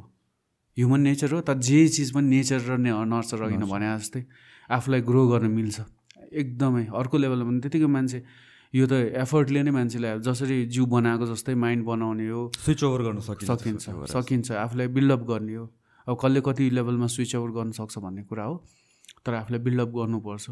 अनि त्यही हो पोजिटिभ मेन मेन्टल हेल्थको डिरेक्सन पोजिटिभ मेन्टल हेल्थमा लाग्नुपर्छ भने चाहिँ आफूलाई बिल्डअप गर्ने हो कतिजना सोसियली अक्वर्ड हुन्छ नि त अनि it prevents them from doing so many थिङ्सहरू कतिवटा अपर्च्युनिटिजहरू लिन सक्दैन। अनि सो दे फिल त्यो एउटा एउटा hope hopelessness kind of helplessness kind of feel हुन्छ नि त। किनभने चाहिँ इन्टरेक्ट नै गर्न नसकेपछि अगाडि बढ्नै नसकेपछि के गर्ने भनेर। I remember I use to be somewhat like that स्कुलमा हुँदाखेरि कलेजमा हुँदाखेरि चाहिँ मान्छेहरूसँग इन्ट्रेक्ट नै गर्न सक्थेन कि म राम्ररी। अनि त्यो क्लासमा बोल्ने सोल्ने त्यो केही पनि गर्थेन कि। तर है। तर यो गर्नै पर्छ भनेर मैले सम वाट त्यो हुन्छ नि एउटा प्लान्ड वेमै आफूलाई पुस गरे हो कि। अनि त्यसपछि इट स्टार्टेड बिकमिङ कम्फर्टेबल अनि त्यसपछि मोर इन्ट्रेक्ट गर्दै गएपछि त्यो as a skill social that's why I think it's called social skill होइन अनि त्यो डेभलप हुँदै गयो कि। हो। सोसियल स्किल भन्छ कग्नेटिभ स्किल भन्छ सेम हो म पनि त्यही टिचरले क्वेसन सोद्धाखेरि पनि एन्सर राइट नगर्न सक्ने। राइट भन्ने मन आउँदैन आँटै नहुने त्यस्तै थिएँ म पनि स्कुलमा चाहिँ। सो म कपाल अफ थिङ्स अझ सोध्छु। त एउटा कुरा भन्नु भनेको चाहिँ यो नङ टोक्ने बानी हुन्छ नि। कसरी आउँछ त्यो कसरी जान्छ? त्यो पनि एउटा चाहिँ बिहेभियरमा आउँछ। हजुर। कतिको बानी हुन्छ। तर त्यो चाहिँ कस्तो नै आफूलाई कामिङ इफेक्ट हो कि? एङ्जाइटीहरूसँग रिलेटेड पनि हो त्यो। स्ट्रेसबाट बढी नङ टोक्ने हुन्छ नि सामान्य पनि नङ टोक्ने मान्छेहरूले। त्यसैले त्यो एउटा बिहेभियर हो। अब त्यसलाई पनि बिहेभियर मोडिफिकेसनमा गर्नुपर्छ। पहिला स्ट्रेस ह्यान्डल गर्ने आफ्नो इमोसन ह्यान्डल गर्ने र सँगसँगै गर्ने हुन्छ। यो चाहिँ एउटा डिसअर्डरै लेभलमा नआए पनि तर अझ राम्रो बानी त होइन नि। होइन? राम्रो बानी होइन किनभने त्यसले इन्फेक्सनहरू पनि ल्याउन सक्छ नङबाट फोहोरहरू जान्छ। पेटको इन्फेक्सनहरू हुनसक्छ र आफ्नो एस्थेटिकली पनि राम्रो कुरा होइन। त्यसले त्यही हो आफ्नो अलिकति मेन्टल पिस ल्याउन सक्यो भने कति चिजहरूले पनि कम गराउँछ त्यसलाई। म मलाई चाहिँ यो एकदमै लाइफभरि सफर गरे बानी भयो। अहिले चाहिँ छुट्यो मेरो होइन? तर मेरो हेर्नु कस्तो स्टुपिड रिजनले मेरो चाहिँ नङ टोक्ने बानी भयो। क्लास फोरमा थिएँ कि म होइन? अनि म चाहिँ एभरेज स्टुडेन्ट थिएँ। मेरो क्लासको टपरले चाहिँ नङ टोक्थेँ कि पन्जाबी थियो एकजना होइन? अनि मलाई आई थट लाइक ए नङमा केही हुन्छ होला। त्यसले गर्दा अहिले विद्वान भएर नङ टोक्न थालेँ कि मैले चाहिँ है? अनि फर टुवेल्भ फोर्टिन इयर्ससम्म मेरो नङ टोक्ने बानी छुट्टै आएन छुट्टै होइन कि? मैले चाहिँ कन्सियसली के रियलाइज गर्थेँ भने चाहिँ मेरो नङ टोक्ने एङ्जाइटीले पनि होला होइन कहिले काहीँ स्ट्रेस भएको होला अननोइङली तर मोस्ट अफ द टाइम यसै बस्यो अनि छोयो अनि यहाँतिर रफ छ जस्तो लाग्यो केही मिलेको छैन भने चाहिँ त्यो मिलाउनु मन लाग्ने कि? अनि मिलाएपछि अझ बिग्रिने अझ बिग्रिने अनि त्यो साइकल रिपिट हुँदै जाने कि? अनि मेरो बानी कसरी छुट्यो भनेपछि मैले लिटरली अब म टोक्दिनँ अनि नेल फाइल बोकेर हिँड्न थालेँ क्या म पकेटमा जहिले पनि अनि बिस्तारै छुट्दै गयो कि? ठिक छ त्यो एउटा मेथड हो। तपाईँको अरू के हुन्छ? मिलाउनु भयो तपाईँले? अँ होइन मै मैले जेनरली भन्नुपर्दा चाहिँ इमो एङ्जाइटी नै धेरैको कच्चा एङ्जाइटी हुन्छ। एङ्जाइटी हट्ने बित्तिकै त्यो छुट्छ? कम हुन्छ धेरैको कम हुन्छ। त्यो त एकदमै डाइरेक्टली रिलेटेड हुन्छ स्ट्रेसफुल इभेन्टमा नङ टोक्न थाल्ने एङ्जाइटी बढ्दाखेरि नङ टोकेर सिधाइदिने होइन? अनि ठ्याक्कै स्ट्रेस कम भयो भने त्यो बिहेभियर कम भएर जाने चाहिँ धेरैमा हुन्छ। अब तपाईँको जस्तै पनि त कतिजनालाई हुन्छ त्यो त एकदम इन्डिभिजुअल कज हो नि त्यसलाई के ओसिडी भन्नु मिल्छ? त्यो मिल्दैन ओसिडी भने त्यही भने लेभल गरिहाल्नु हुँदैन। मलाई चाहिँ यो लेभल गर्ने बानी राम्रो लाग्दैन त्यो ओसिडी भने त डिसअर्डर लेभलमा गयो नि त। ओसिडी भने कुरै अर्कै हो। ओके थट्सहरू ओके सो एउटा लास्ट म कुरा निकाल्छु है त। दिस इज लाइक रिलेटेड अलिक एकदम हाइपोथेटिकल हाम्रो ब्रेन र थट भनेर भन्छ नि। इज इट लाइक कनेक्टेड नै हो त्यो? कनेक्टेड चाहिँ हो। फिजियोलोजिकली मेरो ब्रेन निकालेर अरू ठाउँमा राख्यो भने चाहिँ म अस्ति सोध्छ। एउटा लेभलमा चाहिँ हो। एउटा लेभलमा हो। अहिलेसम्मको साइन्टिफिक नलेज अनुसारको जस्तै एक्जाम्पललाई ब्रेनको साइनेप्सेस न्युरोन्सहरूको कामले नै त्यहाँ मेमोरी स्टोर हुन्छ। त्यहाँको एउटा अब यहीँ भन्ने छैन तर अहिले त झन् वाइडर रेन्जमा गइरहेछ। पहिला यो स्पेसिफिक एरिया क्याटेगोराइज गरेर त्यो क्याटेगोराइजेसन ब्रेक भयो। तर अहिलेसम्म भन्छ ब्रेनबाटै नै थटहरू चलिरहेको हुन्छ। जस्तै कन्सियसनेस एउटा लेभलमा एउटा लेभलमा किनभने योको सबै ठ्याक्क क्ल्यारिफाई गरेर ठ्याक्कै यही भन्ने चाहिँ पत्ता लागेको छैन। तर ब्रेनको रिलेसनसिप छ। जस्तै फर इक्जाम्पल ब्रेनको फ्रन्टल लोबमा डिसअर्डर आयो भने मान्छेको बिहेभियर चेन्ज हुन्छ थट प्रोसेसहरू फरक हुन्छ एक्जिक्युटिभ फङ्सनिङहरू फरक हुन्छ होइन? अब कुनै यो सेक्सनमा भयो भने यो खालको बिहेभियर चेन्ज हुन्छ त्यो ठ्याक्कै देखिन्छ एउटा लेभलमा देखिन्छ तर यति मात्र चाहिँ होइन भन्ने छ अहिलेको अघि नै मैले भने थिएँ नि हलुसिनेजनहरू मेन्टल हेल्थमा अर्को रि रिभोल्युसन नै हो भन्छ कि अब ट्रिटमेन्टको लागि। त्यो पनि ब्रेनसँग रिलेटेड हो नि। हलुसिनेजनले के गर्छ? साइनेप्सेसहरू भन्ने। न नसाको त्यो ब्रान्चेसहरूलाई अझ फ्लो बनाइदिन्छ। त्यसले गर्दा थिङ्किङ प्रोसेसहरू बढाउँछ त्यो एउटा भयो। अर्को अहिले नयाँ चाहिँ रिभोल्युसन कहाँ आउन सक्छ भने गट्सहरू एब्डोमिन एब्डोमिनको ब्रेनसँग कनेक्सन कसरी यो इमोसन रेगुलेट हुन्छ? गट फिलिङ भने त्यो। भने त्यो त्यो आयो त्यो वर्ड तर जे त्यो वर्डले बुझाउँछ नि त्यही त्यहीतिर पनि एकदम ठुलो लेभलको रिसर्च भइरहेछ। There is some link between abdomen and brain जसले गर्दा इमोसनलाई कन्ट्रोल हुन्छ। भन्ने आइरहेछ। अब यो यो त अब एक्सप्लोर गर्ने कुराहरू हो अब साइन्सको कुराहरू। अहिलेसम्म चाहिँ फिगर आउट छ भएको फि पुरै फिगर आउट तर डिरेक्सनहरू अलिअलि एक्सप्लोरेसनहरू राम्रो लेभलमै भइरहेछ। ठुलो लेभलको रिसर्चहरू भइरहेछ। जस्तो कि मान्छे मर्ने बेलामा पनि life flashes behave in front of your eyes भनेर भन्छ। जुन यो कुराहरू गफ नै हो। अब कुन चाहिँ मर्ने मान्छेलाई सोधेर कन्फर्म गरिरहेको छ त आएर नो केही रिसर्च भएको छ यसमा? छैन साइन्टिफिक रिसर्च छैन। छैन है। मलाई थाहा छैन एटलिस्ट मलाई थाहा छैन ल। मलाई थाहा छैन भन्नुपर्छ। Okay so I think we should end this thank you so much आउनुभएकोमा केही भन्नु छ लास्टमा भनिदिनुहोस् प्लिज आई अफकोर्स डक्टर्सकोमा जानु पऱ्यो नर्मलाइज गर्नु पऱ्यो यो बिहेभियर होइन त। थ्याङ्क यू सो मच यो एटलिस्ट मैले पनि ओपनली सेयर गर्नु पाएको यो धेरै फर्मल नभइकन आफ्नो थट आफ्नो लर्निङ सेयर गर्नु पाएको एक्सपिरियन्सेसहरू सेयर गर्नु पाएको त्यही हो कुरा चाहिँ। फाइनली चाहिँ के हो भने एक्सेप्टेन्स लेभल अलि हाई हुनु पऱ्यो नर्मलाइज गर्नु पऱ्यो सबैलाई नराम्रो नेगेटिभ इमोसनलाई नेगेटिभली लिनु भएन। त्यसले हामीलाई ग्रो गराउँछ यसलाई ब्यालेन्समा लगाउँछ भने। अनि अर्को चाहिँ साइकेट्रिस्टदेखि डराउनु भएन। सातो बोत्लो जानु भएन। एकदम एकदम एकदम त्यो त कहिले काहीँ फनी नै लाग्छ। किन त्यस्तो डर? म त्यसलाई सोध्छु भने कि डर लाग्दछु भनेर। त्यसैले। Okay thank you so much thank you